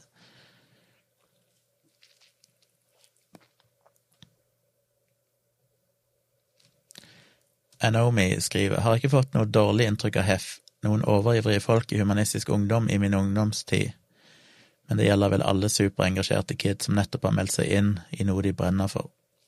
Ja, det finner du nok alle plasser, regner jeg med. Thomas skriver 'Ingen liker å bli lurt', heter den kampanjen. Det er riktig. Aksjon kalte de det vel, ikke en kampanje, men en aksjon. Vikram is back. God kveld i stua. Trenden bak unge hippiekristne er å ikke tro på religion, men på Jesus, hva enn det betyr. Ja, går ikke det litt sånn i bølger? Ikke det litt sånn uh, Ikke det litt sånn 60-70-tallet òg? At da var det litt mer sånn New Age-kristne? som ikke nødvendigvis var så opptatt av religion, men mer av personlig Et personlig forhold til Gud og en mer sånn psykedelisk tilnærming til kristendom, som sikkert kommer tilbake igjen. Og det er jo veldig viktig å ha dette her personlige forhold til Jesus, mer enn å føle seg som en del av en For det med religion høres sikkert litt sånn gammelmodig ut, kirke og religion, men det er mer at du har et personlig forhold til Jesus. Og det betyr jo selvfølgelig ingenting. Det er jo en ren illusjon, men det føles sikkert godt. Thomas skriver det finnes forresten ikke-troende eksmuslimer som kaller seg for sekulære muslimer, virker som de da identifiserer seg med kulturen fra Midtøsten, men uten å tro på islam. Walid al-Kubaisi var sånn. Ja, det vil jo gjelde fryktelig mange norske muslimer òg, de er jo primært kulturmuslimer. Eh, nå skal ikke jeg snakke på vegne av Wasim Sahid, for jeg er ikke 100 sikker, men han er jo veldig tydelig på at han er ikke-truende. Men jeg vil kanskje tro at han ville kalt seg muslim allikevel, bare fordi at han er jo vokst opp som muslim, og er jo praktiserer vel en del muslimske høytider og sånne ting, men han er jo ateist allikevel. Så Og sånn er det jo med kristendom òg. Det er jo fryktelig mange, som sagt, som jeg òg kjenner, som sikkert primært er det vi kaller for kulturkristne. De er vokst opp i en kristen kultur, de feirer kristne høytider, de praktisere et bryllup i kristen eh, tradisjon og alt dette her, men de tror jo egentlig ikke på noe Gud. Og det er fair enough, selv om jeg syns kanskje det er det mest irriterende av alt. Jeg syns jo jeg, jeg, klarer Jeg klarer ikke å forstå hvordan det går an å være så lite engasjert at hvis du for eksempel skal gifte deg og ha et bryllup, så gjør du det i kirka, i kristen regi, når du ikke tror på Gud. Bare fordi ja, men det er jo tradisjon, og det er jo koselig, og hvordan går det an å stå foran en prest og liksom love for en gud som du ikke tror på? Det føles bare så ekstremt hyklerisk, eller i det minste ekstremt feigt. Det er sånn Ja. Jeg skulle gjerne likt å sett de samme folkene gjøre det samme i et muslimsk bryllup, som egentlig burde vært akkurat det samme for dem, for de de tror jo ikke på det de sier ja til, de bare syns at seremonien er ok. Og det vil jo på en måte sannsynligvis ikke de fleste av de. Men øh, å gjøre de i kirka med Gud, som de heller ikke tror på noe mer enn de tror på noen muslimsk profet eller Gud, er jo merkelig. Og Det er kanskje det som irriterer meg mest. Jeg syns det er bedre med folk som faktisk tror på Gud og er kristne og i det minste står for det og brenner for det, enn den store majoritet, kanskje, som aldri har lest et ord i Bibelen og aldri har brydd seg noen ting om religion eller kristendom, men syns det er helt greit å, å utføre kristne ritualer, for det er jo koselig og tradisjon. Det syns jeg er så, så ekstremt talentløst. Og Samtidig så føles det jo som hyklerisk av kirka å tillate det. For det er litt typisk kirka, det er dette her med at bryr seg egentlig ikke om hva folk tror, så lenge de kan få de til å komme til seg, så er de fornøyd. Og det finnes jo mange groteske eksempler på, som jeg snakker om i dialogisk òg, men jeg mener, jeg vokste opp der jeg vokste opp, så så jeg jo eksempler på ungdommer som var havna helt på kanten og hadde det helt forferdelig, som plutselig da ble frelst og ble invitert inn i bedehus og, og så videre for å holde vitnesbyrd, og, og så gikk det jo noen måneder, og så var de ute igjen. For de var jo selvfølgelig ikke kristne. De trengte jo bare å bli å tilhøre et miljø. De trengte å føre tilhørighet og bli sett. Og det virker som at mange av de kristne der, de burde jo være klar over det, at dette er en person som har det vondt, som faktisk trenger hjelp. Men de var mer enn villige til å utnytte det og bruke det som et levende eksempel på at Gud har snakka og kommet inn i hjertet deres og sånn. Og det var bare ekkelt å se på. Og det syns jeg er kjipt. Jeg syns det skulle vært sånn at hvis du skulle gifte deg kristen, så bør du på en måte i det minste Er det ikke sånn med jødedommen at uh, hvis du må konvertere til jødedommen for å eksempel gifte deg med en annen person som er jøde, så må du gjennom noen sånn tester og så greier? Burde vært litt sånn i kirka, i den kristne kirka òg. Hvis ikke du kan vise at du faktisk mener det du sier, at du faktisk tror på en personlig Gud som sto opp for de døde og frelste deg og skal gi deg evig liv, så burde du heller ikke ha lov til å stå foran presten og love det rett i trynet på han, for det er jo basically å stå og lyge til presten. og de oppfordrer aktivt at de skal komme inn i kirka og lyge til presten og hele hele publikum, alt det vil si, hele menigheten. Og det syns jeg bare er talentløst. Det er skikkelig provoserende. Jeg syns kirka har så lite ryggrad at av og til så bare elsker jeg jo mer konservative, ufordragelige kristne som i det minste står for det de, de mener. Uansett hvor ufordragelig det er. Hakkmeksul, Matt Dillhunt, ja. Skalla karen med smultringskjegget. Fin type, passionate, men kontrollert og faglig sterk. Ja, det er vel egentlig mitt inntrykk òg. Klamydiamelk skriver mjau, mjau, god kveld. Han, er til og med, han eller hun har til og med funnet et profilbilde som innebærer melk. Litt usikker om det er klamydia oppi der, men Men god kveld til deg. Hyggelig at du er her og ser på. Hakkmeksul skriver 2020s jævligste, men også morsomste nikk over meg her nå. Ja.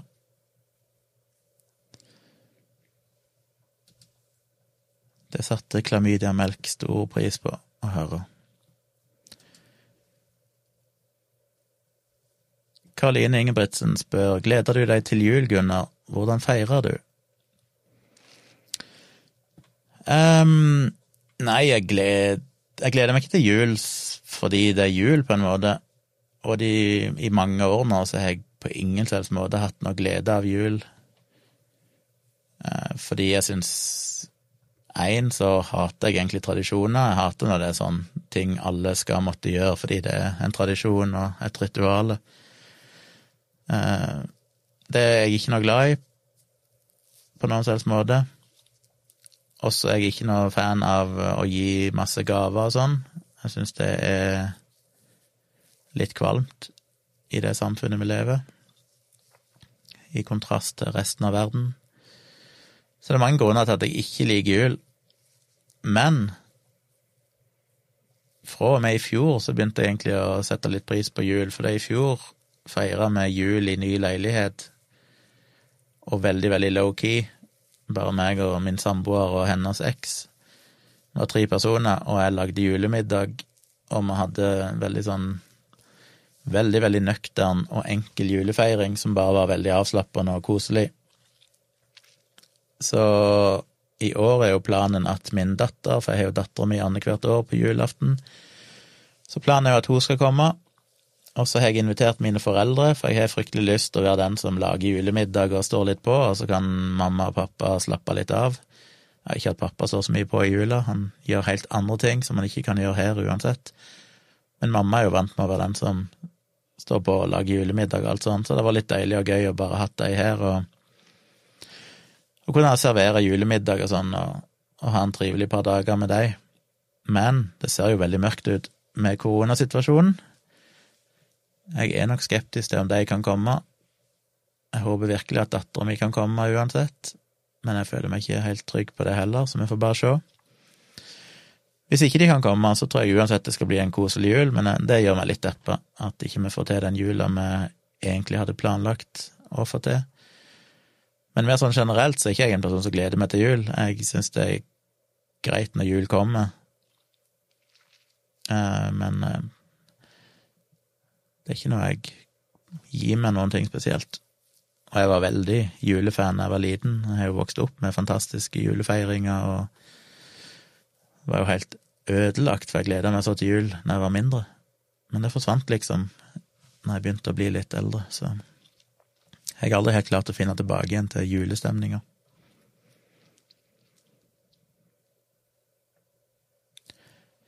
Thomas minner folk på å klikke på like, thumbs up, det er viktig. Det er bra, Thomas. Ivar spør hører du på Konspirasjonspodden. Nei, det gjør jeg ikke. Og det er ikke fordi jeg eh, mener noe om han, for jeg har ikke hørt han, det er bare fordi jeg har noen få jeg hører på, og det er alt jeg rekker å høre på, så jeg eh, vet at det finnes hundrevis av podkaster, føler jeg, som jeg burde hørt på. Men jeg har ikke tid, så da er ikke det blitt prioritert. Når det er sagt, så slipper jo meg og Tone en ny podkast ganske så snart. Det er jo den store begivenheten i disse dager. Vi har spilt inn eh, to episoder og en teaser og laga cover og alt som skal til. Jeg har til og med redigert episodene i dag, så de er klare. Så det kommer en ny podkast som jeg håper dere vil abonnere på og høre. I løpet av uka eller neste uke så regner vi med at vi skal ut en eh, teaser til den, og promotere den litt. Og det er en podkast med episoder på 30-40 minutter. Eh, jeg skal prøve å holde dem på om 30, det er målet. Skal ikke bli for lange episoder. Der vi rett og slett eh, forteller grusomme historier fra virkeligheten. Og eh, opplegget vi har i starten, iallfall, ting kan endre seg over tid, men konseptet nå er at annenhver episode så forteller meg og Tone en historie til den andre som vi har researcha litt og satt dere litt inn i, om et eller annet som har skjedd i virkeligheten. Så det skal ikke være noe mystisisme og overnaturlige ting og sånne ting. Det skal være liksom reelle historier som folk har opplevd Eh, I den første episoden så forteller jeg om en eh, flykatastrofe som er helt jævlig. Og i den andre episoden forteller Tone om et barnedrap. Uh, så det er liksom å fortelle historien, og så sitter vi og tenker litt høyt og snakker litt rundt det i en halvtimes tid. Og det tror jeg er kult. Jeg tror det er en podkast som hvis folk er som oss og liker de litt sånn morbide og forferdelige tingene som har skjedd opp gjennom historien, og liker å tenke litt over hva i all verden er det som driver mennesker til å gjøre sånne ting, eller hvordan må det ha føltes å være i den situasjonen, så bør dere abonnere på den. Men det kommer mer informasjon eh, ganske snart, så jeg håper vi får en del lyttere på det. Og da blir det kanskje, hvis vi får nok lyttere og sånn, litt interesse, så må vi sikkert kjøre noen livestreams i framtida som er fokusert rundt podkasten, og og litt sånn, så det, forhåpentligvis blir det kult. Hengedi skriver Matt Dillehonty var evangelisk kristen i over 25 år og studerte til å bli pastor, og det var slik han ble ateist. Han prøvde å finne gode argumenter for å forsvare sin tro, men fant det motsatte. Ja, det er riktig. Og det er det jeg syns er så bra med han, at siden han har studert kristendom i så lang tid, så er jo han en av de som Hvis du sier et bibelvers, så vet jo på en måte han hva det er for noe, og hva han argumenterer imot og sånne ting. Det er så deilig med folk som virkelig kan gjerne kristendommen bedre enn kristne sjøl, og da kan argumentere imot. Det er jo ingenting som er bedre enn det.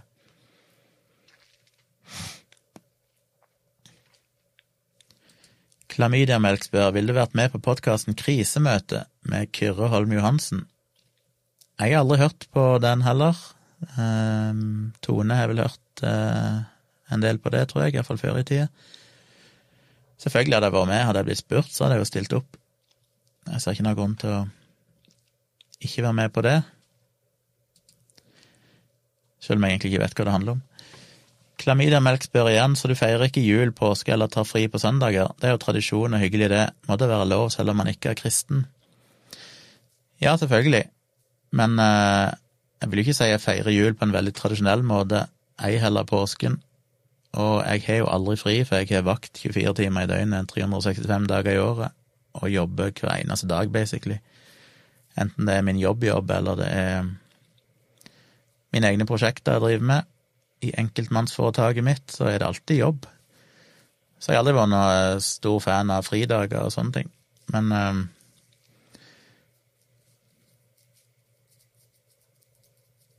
Men ja.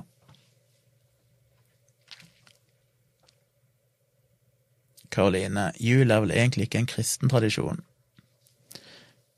Nei, det er jo både òg. Jul er jo ikke noe som oppsto med kristendommen, men uh, det ble vel i stor grad kapra av, krist, av, kristne, og jeg ble blitt gjort veldig kristen over tid. Men teknisk sett så kan du jo selvfølgelig feire jul uten å knytte det opp mot kristendommen, for det er jo Det er jo hedenske tradisjoner, eller hedensk historikk, blant annet. Jonathan spør klamydiamelk hadde det ikke vært bedre hvis de helligdagene blir gjort om til valgfrie feriedager, at du isteden kan velge selv når du tar de fridagene. Eh, jeg er ikke helt sikker på det, bare fordi at rent sånn praktisk så er det veldig praktisk at folk er fri stort sett på samme tid, Ellers er det vanskelig å planlegge og få gjort noen ting.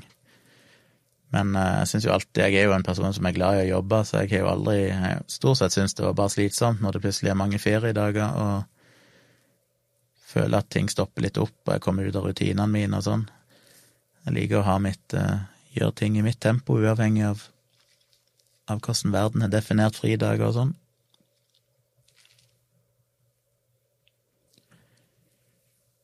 Klamydia svarer, tror jeg, nei, altså skal vi ta den tanken der, så vet vel de fleste at det er en hedensk tradisjon, men hvis vi tenker på kristenjul med Jesus fødsel, Jesu fødsel etc. Ja. Ivar skriver Jonathan, tror du ikke arbeidsgiver hadde utnyttet seg av det? Jo, og de feriedagene er vel mer enn at de er kristne, så må vel kunne si at de vil i stor grad vil jeg anta, i stor grad er jo etablert eh, av eh, arbeiderbevegelsen og sånn, som er spikra fast en del av disse rettighetene.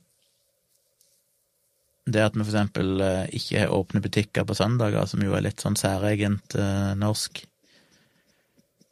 kan en vel argumentere med at det er en eller annen sånn kristen tradisjon, at du skal ha hviledag, men primært så er det ikke de som står for det nå lenger, det er jo det er vel på en måte arbeiderbevegelsen som sørger for at vi skal ha en fridag i uka, og det er på grunn av at de ansatte skal ha muligheten til det, og ikke kan bli utnytta og drive rovdrift på ansatte. Så igjen, mye av det som på en måte føles som at det kommer av kristne tradisjoner, er vel i stor grad i dag spikra inn i helt andre argumenter. I know me, når det kommer til bryllup, vil jeg neppe tatt det i kirka, men har snakka om begravelse, og jeg tenker at den først og fremst skal være for etterlatte, ikke for den avdøde. Når det gjelder bryllup, eh, så, og det snakka jeg om i en tidligere episode, dette her med at ofte så er det ikke noe valg enten å bruke kirka bare fordi at det finnes ikke noen andre seremonilokaler, ofte iallfall i små kommuner og sånn. Eh, sånn som der jeg kommer ifra, så er det jo kirka.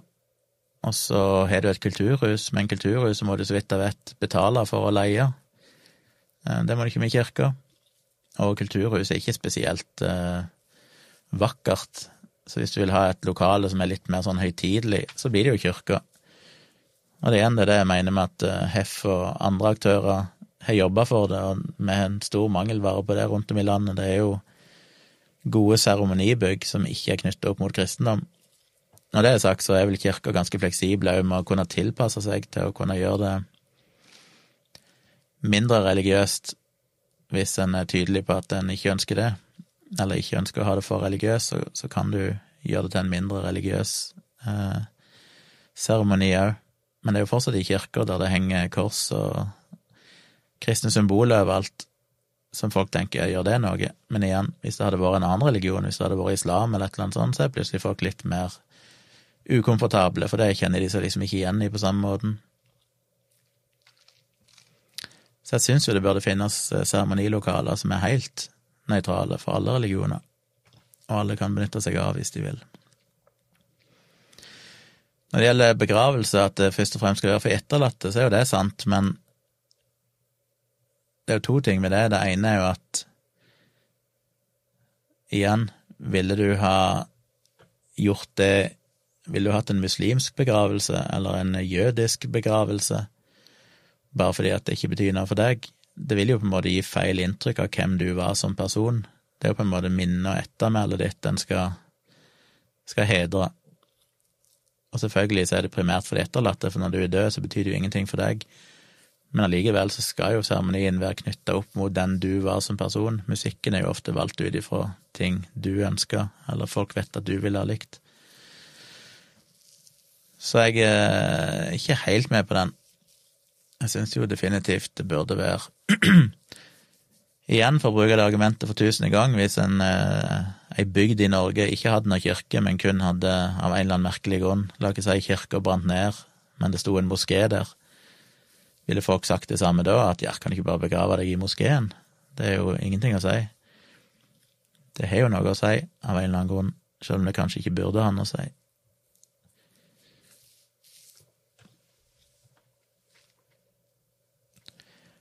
I know me, så hvis det gjør folk lykkelige å sitte i kirka og høre noen prate om Gud, kjør på, det har ingenting å si for meg i etterkant.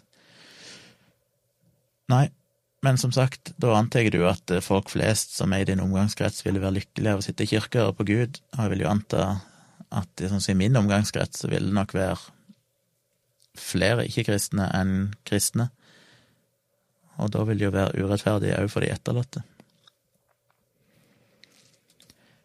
Henger de skriver Jeg har ingen problemer med å gå i kirken selv om jeg ikke tror på noe av det, tradisjon.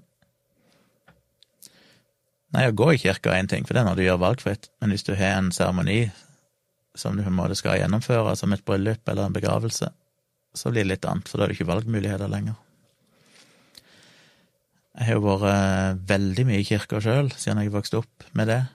Jeg var i kirka nesten hver søndag, ikke fordi at mine foreldre sa jeg måtte, men fordi jeg spilte piano, og stort sett hver søndag akkompagnerte enten barnekor eller blanda kor eller tensingkor så nesten hver søndag i ganske mange år så var jo jeg i kirka. Jeg kan ikke overdrive å si hver søndag, men relativt ofte så var jeg i kirka. Så jeg vet på en måte hva det innebærer, og nå er det jo forskjell på kirker rundt forbi, men der jeg gikk, så var jeg relativt provosert av mye av budskapet. Som når presten sier at uh, psykiske lidelser skyldes onde ånder og sånne ting, så så er det på en måte ikke greit. Jonathan skriver jeg vil heller ha to uker ekstra ferie i året som jeg kan velge selv når jeg skal ta, istedenfor å få fri på julaften og påsken, ja. Og i påsken, ja. Eh, jeg er tilhenger av det, både òg. Jeg har jo alltid vært tilhenger av at eh, skole, at sommerferien på skolene burde være vesentlig kortere og at en heller hadde flere fridager gjennom året. Og det mente jeg jo til og med når jeg gikk på skolen sjøl. Jeg syntes sommerferien var for lange, og ble kjedelig til slutt. Eller kutta to uker av sommerferien og kunne putte dem inn som langhelg og sånn rundt forbi. Hadde jo vært mye mer fornuftig, syns jeg. Når det gjelder i voksentilstand som arbeidstaker, så så er jo ikke de feriene så lange som folk skal ha det til, da, for det første. Jeg mener, det er jo ikke noen Det finnes jo ikke noen ei uke lang juleferie. Det er jo basically to dager. Det er første juledag og andre juledag. Eh, det er jo kun de som går på skole, og som eventuelt velger å ta fri fordi de har barn i skolen som har fri, som har tatt ut deler av sine fem ukes ferie i løpet av året i jul og påske. Så teknisk sett har vi jo den ordningen allerede, for det finnes jo ikke noen ukeslang juleferie eller ukeslang påskeferie. Påskeferien er jo litt lenger, for det er jo torsdag og fredag pluss mandagen. Så er det ei helg imellom, så det blir jo teknisk sett fem dager. Selv om det er bare tre av de som er egentlig arbeidsdager. Så den lengste ferien vi har i Norge, som er knytta til helligdager, er vel tre dager lang. Eller i beste fall to sammenhengende dager. Så egentlig så er det jo ikke noen sånn eh, jeg ser ikke, Sånn sett er det jo ikke noen problemstilling der i det hele tatt, for du har jo egentlig bare fem ukes ferie som du da kan fordele stort sett som du vil, og da velger mange å bruke ei uke i påsken og ei uke i jule, men det er jo fordi de har valgt å gjøre det, da. Og det gjelder ikke for meg, som sagt. I min jobb som daglig leder i et lite firma der en alltid må være på jobb, så har jeg opplevd gang på gang å måtte jobbe både på julaften og nyttårsaften og andre kvelder når folk er ute og fester, som jeg plutselig sitter og gjør et eller annet så har jeg ikke hatt den luksusen med å ta lange ferier. Klamydiamelk svarer til Jonathan nja, kan gjerne gjøre helligdagene til fellesferie, men vet ikke hvor lurt det er å la hver og en bestemme når de skal benytte seg av det. Nei, men som sagt, det er jo egentlig det vi gjør i dag. Du har en viss mengde ferie, og så kan du stort sett velge Nå kan jo bedrifter legge noen føringer vel om at du skal Eller ikke, det er vel nedfelt at en viss antall av de feriedagene skal skje i fellesferien, er det ikke sånn? Eller er det opp til hver bedrift å bestemme det sjøl? Ja, det er vel noen føringer der. Men du har iallfall en del ferie du kan velge å disponere deg av når du vil, og de helligdagene, hvis en ser vekk ifra søndagen, så er det ikke så mange av de helligdagene, egentlig. Iallfall ikke de religiøse. Anomi skriver jeg er for så vidt heller ikke stor fan av hele ekteskapskonseptet. Nei, det er jo ikke jeg heller, og det har jeg snakka mye om i både dialogisk og i samboerapparatet. I podkasten til Tone, som heter Nerve. Men det er en lang diskusjon som jeg ikke trenger å gjenta her, tror jeg. Jonathan, hvordan kan du ha et godt forhold til eksen til samboeren din? Høres ut som selve oppskriften til sjalusi og drama. Eh, hvorfor det? Jeg skjønner ikke premisset. Klamydiamelk. Jonathan Nærby mener å huske at Tjomli er polyamorøs, har i hvert fall snakket varmt om åpne forhold etc., så tror jeg ikke sjalusi kommer så lett fra den kanten der. Nei, jeg vet ikke om jeg egentlig vil definere meg som polyamorøs, men meg og Tone har jo et åpent forhold som jeg snakker mye om. Eh, det betyr ikke at det ikke finnes sjalusi, det kan komme, men det kommer ikke av ideen, den idiotiske ideen om at hvis du har hatt en relasjon til en person, så er det plutselig en trussel.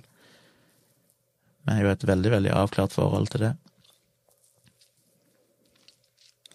Og jeg syns jo generelt sett det er en utrolig dårlig egenskap og uting å ha noe imot en person bare fordi en person du er glad i, på et tidligere tidspunkt har vært glad i den personen, uten at den personen har gjort noen ting som er helt galt mot deg.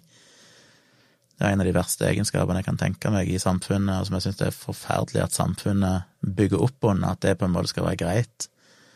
At det blir sett på som unormalt å ha et vennskapelig forhold til en person som aldri har gjort deg noen ting galt. Det er jo helt absurd. Så det tar jeg sterk avstand fra, og jeg snakka en del om det tidligere, for det syns jeg vi må skjerpe oss med som samfunn. Morgenbrød skriver, og det er jo helt ulogisk òg, jeg mener dama mi har gått ifra en person for å velge å være sammen med meg, hvorfor i all verden skulle jeg da tenke at den eksen hennes var en trussel. Morgenbrød, Dilemma, 1943, du og familien er etterlyst av tyskerne, dere er undercover i et kjellerloft, Anne Frank-style, eller Anne Frank-style. Plutselig er tyskerne på døren og babyen gråter, dreper du for å unngå deportering? Ja, det crying baby-dilemmaet har vi òg diskutert i dialogisk tidligere. Um, Det er jo et sånt spørsmål som du egentlig ikke kan svare på, for det er noe du bare vil kunne ta den avgjørelsen når du er i situasjonen. Fordi rasjonelt sett så bør du selvfølgelig drepe babyen hvis risikoen er at alle andre blir drept. Hvis ikke du gjør det, for da blir jo babyen drept uansett, så det er jo en sånn variant av trolley problem, egentlig. Men eh, emosjonelt sett så kunne jeg jo aldri fått meg til å drepe noen, og i den situasjonen så er jo det det dummeste som finnes, å ikke drepe babyen, for da vil jo babyen bli drept uansett, inklusiv deg og alle andre. Så, men det er jo sånn Jeg vet ikke. Jeg tror ikke jeg er i stand til å svare på det. Klamydiamelk, er dette ditt private studio, eller litt av et setup du har her? kan vi få en tour-video en gang i fremtiden? Ja, det er mitt private studio som jeg har snakka en del om i eh, podkasten min inne på Patrion. Hvis dere er nysgjerrig på hvordan jeg har bygd opp det. Jeg har ikke laga noen studiotur ennå, men jeg har snakka om å gjøre det. Men jeg er glad jeg ikke har gjort det, for jeg har liksom aldri blitt helt ferdig. Men jeg føler vel nå, omsider, at alt det vesentlige er på plass. Så jeg har jo en idé om å, å gjøre det en gang, hvis det er noen som er interessert i det. Klamydiamelk skriver igjen, å, da må dere ta opp ta opp Mayhem, syns jeg. Ganske mye morbid og horrible shit der. Ja, det minner meg på at jeg må se den der dokumentaren. Den denne relativt nye norske dokumentaren som vel går på NRK eller noe sånt, jeg vet ikke. Den har jeg sett. Jeg har heller ikke sett den der filmen om eh, Greven, den Hollywood-filmen. Den må jeg jo få sett, for det er jo Jeg var jo nede og besøkte Åh, hva er det heter Uh, helvete. Den platesjappa. Neseblod, er det ikke det de heter, de som driver det? Eller dreiv det? Jeg husker ikke. Jeg er ikke inne i det systemet. Det er ikke musikk jeg hører på. Men eh, typen til ei venninne av meg uh, jobba der. Så en dag her for noen år siden så tok han noe med ned i kjelleren der. Og det var nesten litt sånn andektig å være der nede, bare fordi jeg visste historien om hva som hadde skjedd, at eh, de folkene var der og hang der. Og det var fascinerende å høre historier om han som jobba der, hva han sa det kom mye japanske jenter, eller asiatiske jenter, og skulle ned og se, og de sto der nede og grein og grein, og det var liksom Det var skikkelig religiøst for dem, tydeligvis, å komme der. Men jeg kjente jo litt på det, jeg òg. Selv om jeg har null forhold til den musikken og, og, det miljøet, så bare fordi jeg kjenner historien litt, så, så var det litt spesielt å være der nede. Anomi skriver kommer på minst ti venner jeg tror kan like den podkasten. Heier for korte episoder, for jeg har elendig konsentrasjonsevne når det gjelder podkast og lydbøker. Ja, jeg føler meg jo litt skyldig, for det dialogisk varer jo ofte opp mot to timer, og, og eh, denne her livestreamen har jo en tendens til å nærme seg to timer atter en gang. Eh, så selv om jeg er glad i lange podkaster sjøl, for jeg hører bare i rykk og napp, jeg hører fem minutter og 20 minutter og trykker bare pause og fortsetter neste gang, så skjønner jeg jo det at det er veldig mange som liker å høre komplette episoder, og jeg tror det er lettere for folk å begynne på episoder hvis de vet at de rekker å høre de i løpet av en tur til en joggetur eller en tur til arbeidet eller hva det måtte være for noe. Kontoret. Så vi har et mål om å prøve å holde de litt korte, selv om det kan være vanskelig. Håkon skriver tips til isbitmaskin, noen må tørre å stille de vanskelige spørsmålene. Eh, nei, jeg hadde en isbitmaskin eh, der jeg bodde før, Eh, før jeg flytta til Oslo. Jeg er veldig, veldig fan av isbitmaskin. Jeg ønsker meg en isbitmaskin her i kåken, men uh, en istedenfor opp med å kjøpe sånne um, poser med ferdige isbiter på butikken. Fordi jeg er lat, og det er praktisk. Den isbitmaskinen jeg hadde, den bråkte jo som et helvete og var svær som et udyr. Tok veldig mye plass på kjøkkenbenken. Så drømmen min en gang i framtida, her vi flytta inn i denne leiligheten, eller når vi kjøpte denne, så var jo kjøleskapet sånn her fra før. Når jeg en dag skal bytte ut kjøleskapet, så er nok målet mitt å få et kjøleskap med innebygd isbitmaskin. Det er liksom definisjonen av luksus for min del, for jeg er jo helt avhengig av isbeder. Forbruker forbruker ganske mye isbeder hver dag.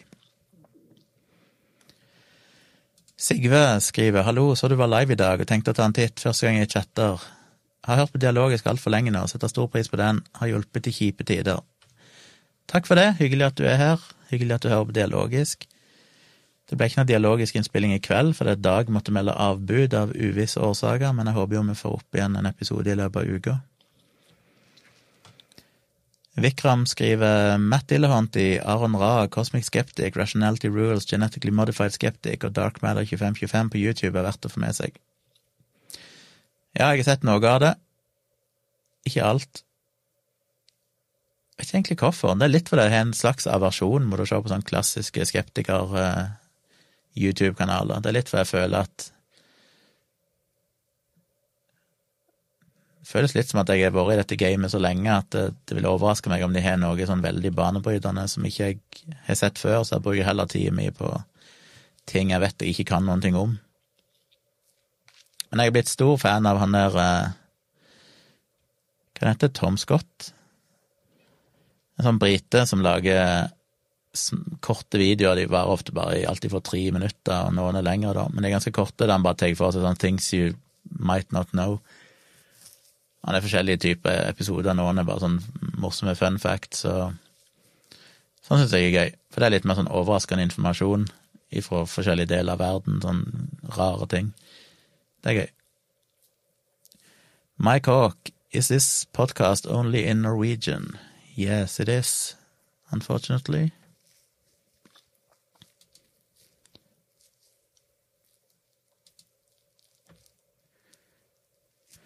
Karoline spør ønske det hadde vært veldig interessant med en dialogisk episode om overvekt, fedme og diskriminering av overvektige. Ja, vi har jo snakka veldig mye om eh, slankeprosjektene til meg og Dag, så mye at folk har sendt dere sinte mailer og sagt nå må vi holde kjeft, får ikke lov å snakke mer om eh, slanking og sånn. Nå er det ikke akkurat det du spør om, men det er vanskelig å komme innom det temaet, tror jeg, uten at vi risikerer å irritere folk. Jeg husker ikke om jeg, vi har ikke hatt noen egen episode om det, men vi har nok nevnt det, tror jeg, i forbifarten. Vært innom, innom det. Men eh, ja, det er et interessant tema. Ice Wallow Comb.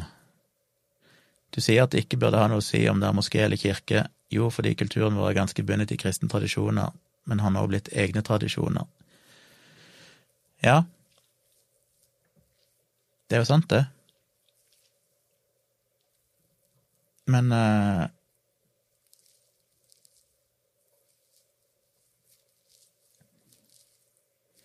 Jeg føler jo det er et skille mellom tradisjonene og på en måte symbolikken og det som blir sagt. Jeg føler jo at et tradisjonelt bryllup i dag er jo veldig knyttet opp mot kirkebygget, for det blir sett på som definisjonen av det, liksom det romantiske, tradisjonelle bryllupet. Men jeg syns fortsatt at det er feil, og på en måte feigt, å velge å bruke et bygg som så tydelig representerer noe som du ikke egentlig tror på. Og poenget mitt er bare det at når folk sier at ja, ja, men gjør det så mye, så mener jeg at da kan du like godt omtrent brukt en moské, og det vil folk reagere mot, for det representerer noe de ikke tror på. Men det gjør jo teknisk sett kirka òg, men vi er på en måte blitt litt bedøva overfor at ja, ja, men det er liksom en del av kulturen vår. Og det er vel det jeg reagerer på, den ideen om at det er ikke så nøye dette med hva du tror på, eller hva du velger å Hvilke symboler du velger å omgi deg med. Jeg syns jo det har noe å si, ikke minst i respekt for alle som ikke tror, som jo er de aller fleste etter hvert. Så er det Hvis en ønsker å ha et sånt seremonirom, så er det jo nettopp det vi bør jobbe for, da, å få livssynsnøytrale seremonirom og endre kulturen i retning av at vi er et sekulært samfunn. Fordi eneste grunnen til at vi fortsatt assosierer kirka med romantikk og bryllup og alt dette her, er jo fordi at vi på en måte holdt hjernevaska. At ingen har endra det ennå. Det er jo ingen naturlighet i at det skal være sånn. Og det er jo ikke Vi bør jo kunne endre det over tid, og jeg syns vi har en forpliktelse til å prøve å endre det over tid, for det er jo ikke korrekt, rent logisk sett, at et bryllup eller romantikk eller sånne ting skal være knyttet opp mot kristne symboler.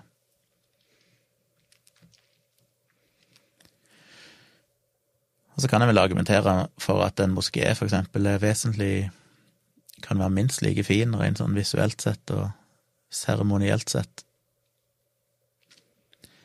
Ivar Køye, litt synd at disse podkastene starter så sent. God natt. Ja, både òg. Jeg har jo prøvd å starte tidligere òg, men jeg uh, syns det er et eller annet eget med å kjøre det litt seint, så vi får disse natteravnene som er litt sånn som meg, som sitter oppe midt på natta. Men jeg kjører de tidligere av og til. Men jeg opplever at tidligere så er ofte folk litt sånn opptatt. Folk har barn, og de har forpliktelser, og de har andre ting de skal se på TV og sånne ting. Når vi gjør det seint, så er folk litt mer på et mentalt stadium der det er litt sånn de er med på alt. Nå kan de bare bruke tid som de vil, og da kan de se på livestream.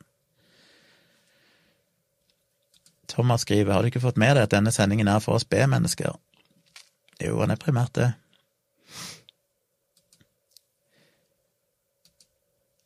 Først nå kommer André, etter 1 time og 46 minutter, og klager på lyden. Det skulle du sagt ifra om før, André. Hva skjer med input-lyden din i dag? Må dra tregangeren på anlegget her, la meg sjekke.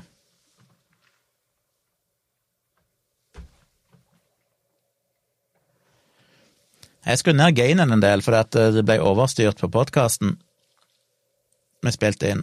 Og jeg er litt usikker på om jeg ønsker å dra den opp nå, for da får jeg et helt annet nivå på resten av eh, episoden her, og det er så stress.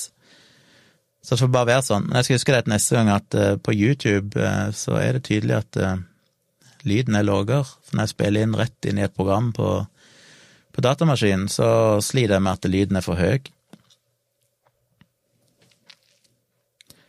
Daniel Ziggy Borgersen spør tanker om MGTOW. Aner ikke hva det er. André skriver heter Neseblod nå, ja. Fine folk.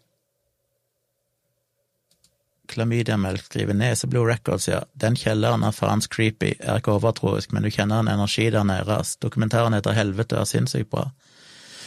Ja, den må jeg se. Jeg syns det er dritfascinerende, hele det Alt det som skjedde rundt eh, det miljøet. Klamydiamelk, Tom Scott, helt fantastisk nerd, elsker det. Ja, da husker jeg rett. Tom Scott, ja. Sjekk ut eh, kanalen hans, han har muligens flere kanaler. Jeg har ikke abonnert ennå, for eh, jeg har ganske nylig begynt å se på det og begynt å skjønne at dette er noe jeg liker, men det har bare begynt å dukke opp sånne anbefalinger på YouTube som jeg har begynt å se. Så jeg må vel abonnere på kanalen eller kanalene hvis han er flere, jeg vet ikke hva han er. Han er helt ekstrem nerd, veldig britisk, og en litt plagsomt ekstrem nasal stemme, men det er til å leve med. Vikram skriver Tom Scott er genial, første videoen med ham om datoformater er veldig bra. Jeg delte jo en video på noen sosiale medier som viser seg å være Tom Scott, der han snakker om eh, han får, Det må jo være en ganske ny video, for han Fuck, nå husker jeg ikke hva det handler om. Jeg mener bare han kom innom et eller annet sånn QAnon eller Flat Earth eller et eller annet mot slutten. Ja, jeg syns iallfall videoen var så bra, han forklarte et eller annet, jeg må finne igjen den videoen. Den var så utrolig bra, så bare delte jeg den uten å ha sett noen ting annet av han før, eller visste hvem han var. Og så etter hvert da begynte jo selvfølgelig å dukke opp flere videoer med han, og da begynte jeg å skjønne at oi, det er jo han samme fyren som jeg delte en video av her for noen uker siden. Men ja, det er absolutt verdt å sjekke ut på YouTube. Christian, kan du lese navnet til Mike Hawk igjen? Hvor så det?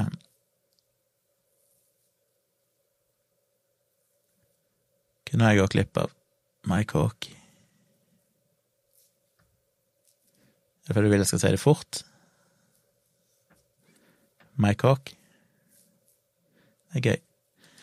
Anomi. Litt spennende publikum med både klamydia, melk, morgenbrød og Mike Hawk. Hvorfor ser ikke jeg Mike Hawk? Ha-ha-ha. Mike Hawk. Er der, ja. Det var den engelske, ja.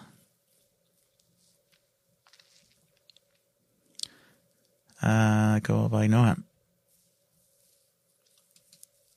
Anomi temakveld. Ja, det ser ut til å ha blitt en temakveld av en eller annen grunn.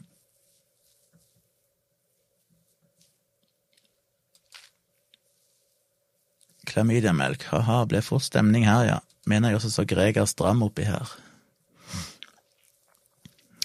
Hva er det med meg som gjør at jeg til, tiltrekker meg eh, denne type humor? Jeg ser på det som en styrke. Jonathan, imponerende utholdenhet på Gunnar, ikke alle som hadde greid å sitte i timevis og svare på spørsmål live. Hyll, hyll, for en podkastlegende du er i ferd med å bli. Jo, det er jo hyggelig.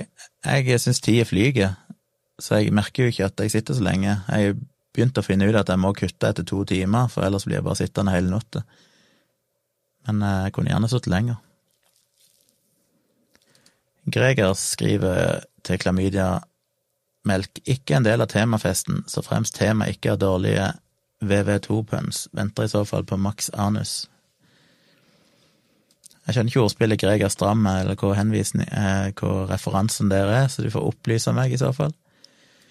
André skriver Jeg fikk ikke ping fra YouTube eller Patrion, ble bare bekymret for deg og sjekke om du hadde lagt ut noe hen seint oppmøte. Ja, det er skuffende. Eh, det ble sendt ut mail på Patrion iallfall, en halvtime før jeg begynte. Litt usikker på hvordan YouTube varsler, om uh, hvor aktiv den varslinga til YouTube er, men uh, Klamydiamelk skriver håper du og Tone lager en episode hvor dere tar opp historien til Mayhem, spesielt om Dead og Euronymous versus Varg, Euronymous versus Varg Vikernes. Ja, kanskje, men jeg føler jo på en måte at den historien er så kjent og fortalt så mange ganger, så jeg tror kanskje vi kommer til å fokusere mer på historier som folk flest kanskje ikke har hørt. Ikke at de nødvendigvis er helt ukjente, for de fleste Det finnes alltid folk som har hørt alt mulig rart, men eh, jeg vet ikke. Jeg føler den historien er fortalt så mye i aviser og dokumentarer, og liksom, det er ikke noe nytt der, på en måte, eller ukjent. Tom Scott er også på Computer, Computerfile-kanalen på YouTube. Ok? Jeg synes det er kult med sånne folk som han, som har klart å skape en karriere av å lage nerdete videoer. Det gjør varme mitt hjerte. André skriver er for ung til å ha fått med meg helvete, men hang på neseblod hele tiden. Ruben, rest in peace, var jo kompis og musikalsk inspirasjon med Trashcan Darlings. Igjen, dette her kan jeg ingenting om. Christian skriver Ice Wallow Comb» var også innom her. Hvem som drev og lokka inn sånne folk? Max Anus var det noen som etterlyste meg. Se her, ja, nå er det skikkelig fest. Nå blir det Nå blir det sted. stemning. Fikk ikke mail fra Patron i dag heller, så det bare, så det bare litt uh, tilfeldig på Twitter, om jeg husker rett nå. Så rart, jeg fikk mail. Så mailen har gått ut, men uh, skrev noe i mailen som gjorde at det ble tagga som spam hos alle. Kan jeg ikke tro.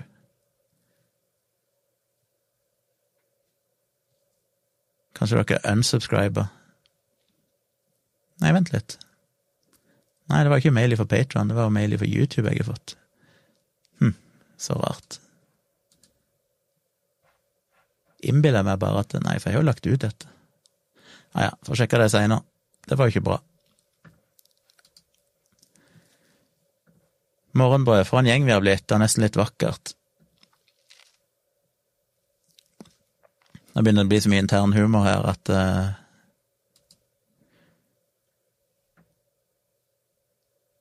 André skriver 'Jeg har fått mail hver gang før, men ikke i kveld'.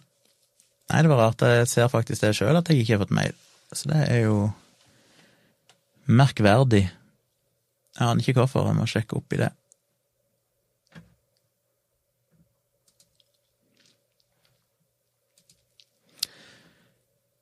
Men når du skriver at du eh, så det tilfeldig på Twitter, så er det viktig at du liker tweeten min. Eller retweeter. Husk hva det er dere forplikta til å gjøre. For jeg eh, Twitter føles av og til som å bare kaste eh, et brev ned i et sort hull. Fordi du sender ut tweeten, og så bare drukner den i mengden. Så vet jeg jo rasjonelt sett at en del ser den, for jeg har jo ganske mange følgere. Men det føles ikke som noen ser den, for det er så få som liker det. Det er liksom folk bare anerkjenner at ja, der var den, ja. Og det er ikke det at det er en like, like-verdig tweet, for det var jo bare en informasjon om at jeg skal ha livestream. Men hvis dere liker den, så øker det jo sjansen for at algoritmene til Twitter viser den til andre. Og spesielt hvis dere retweeter den.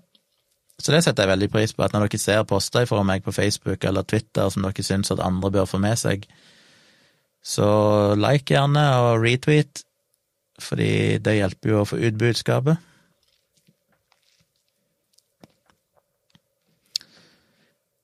Men da begynner jeg å nærme meg totimersmerket her, som jeg føler er min eh, limit, for at ikke ting skal gå helt over styr. I morgen, det er jo glemt å si, at i morgen er jo en merkedag igjen, eller seinere i dag, teknisk sett, for det, det er jo en ny Apple keynote der de skal lansere nye Mac-er med Apple eh, sin egne chipper. Og det er jo en merkedag for meg, og i år har jo vært en fest, for dette er jo den tredje keynoten i høst. Først hadde de jo en der de lanserte Hva de lanserte? Ny iPad og, og noe greier. Og så hadde de jo en iPhone-event, der de lanserte nye iPhoner. Som jeg får på fredag, for det har jeg bestilt nå. Og så er det en ny event nå, der de skal lansere nye Mac-er. Så det gleder jeg meg til. Den blir vel livestreama, begynner vel sikkert klokka sju, hvis jeg ikke husker feil. Det pleier å være klokka sju når jeg ikke sjekker det, men har vi hatt en uh, tidsendring imellom denne og sist? Sånn at det er en time annerledes, det husker jeg ikke. Men det blir iallfall en stor uh, merkedag. Og så kommer det som sagt en ny podkast, så følg med på det i alle kanaler der vi deler ting. Håper dere vil abonnere på den. Og så håper jeg dere vil velge å bli patrons. Det er jo en del som er blitt det i det siste etter jeg begynte å livestreame, og det er veldig, veldig kult. Eh, hvis ikke dere er patron, bli det.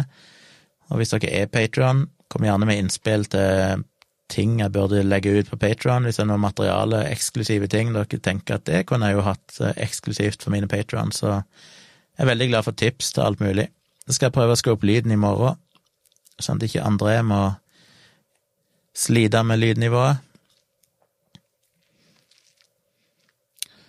Donald, ja, han er ute og sprer konspirasjonsteorier om vaksinen igjen. Det var jo som forventa. Med tre minutter igjen, så Vikram spør en gåte før legetid. Hvordan kommuniserer en døv gynekolog med pasienten? Da kom du med svaret så fort, Vikram, at jeg rakk jo ikke å tenke. Legen leser på leppene. Han var dårlig.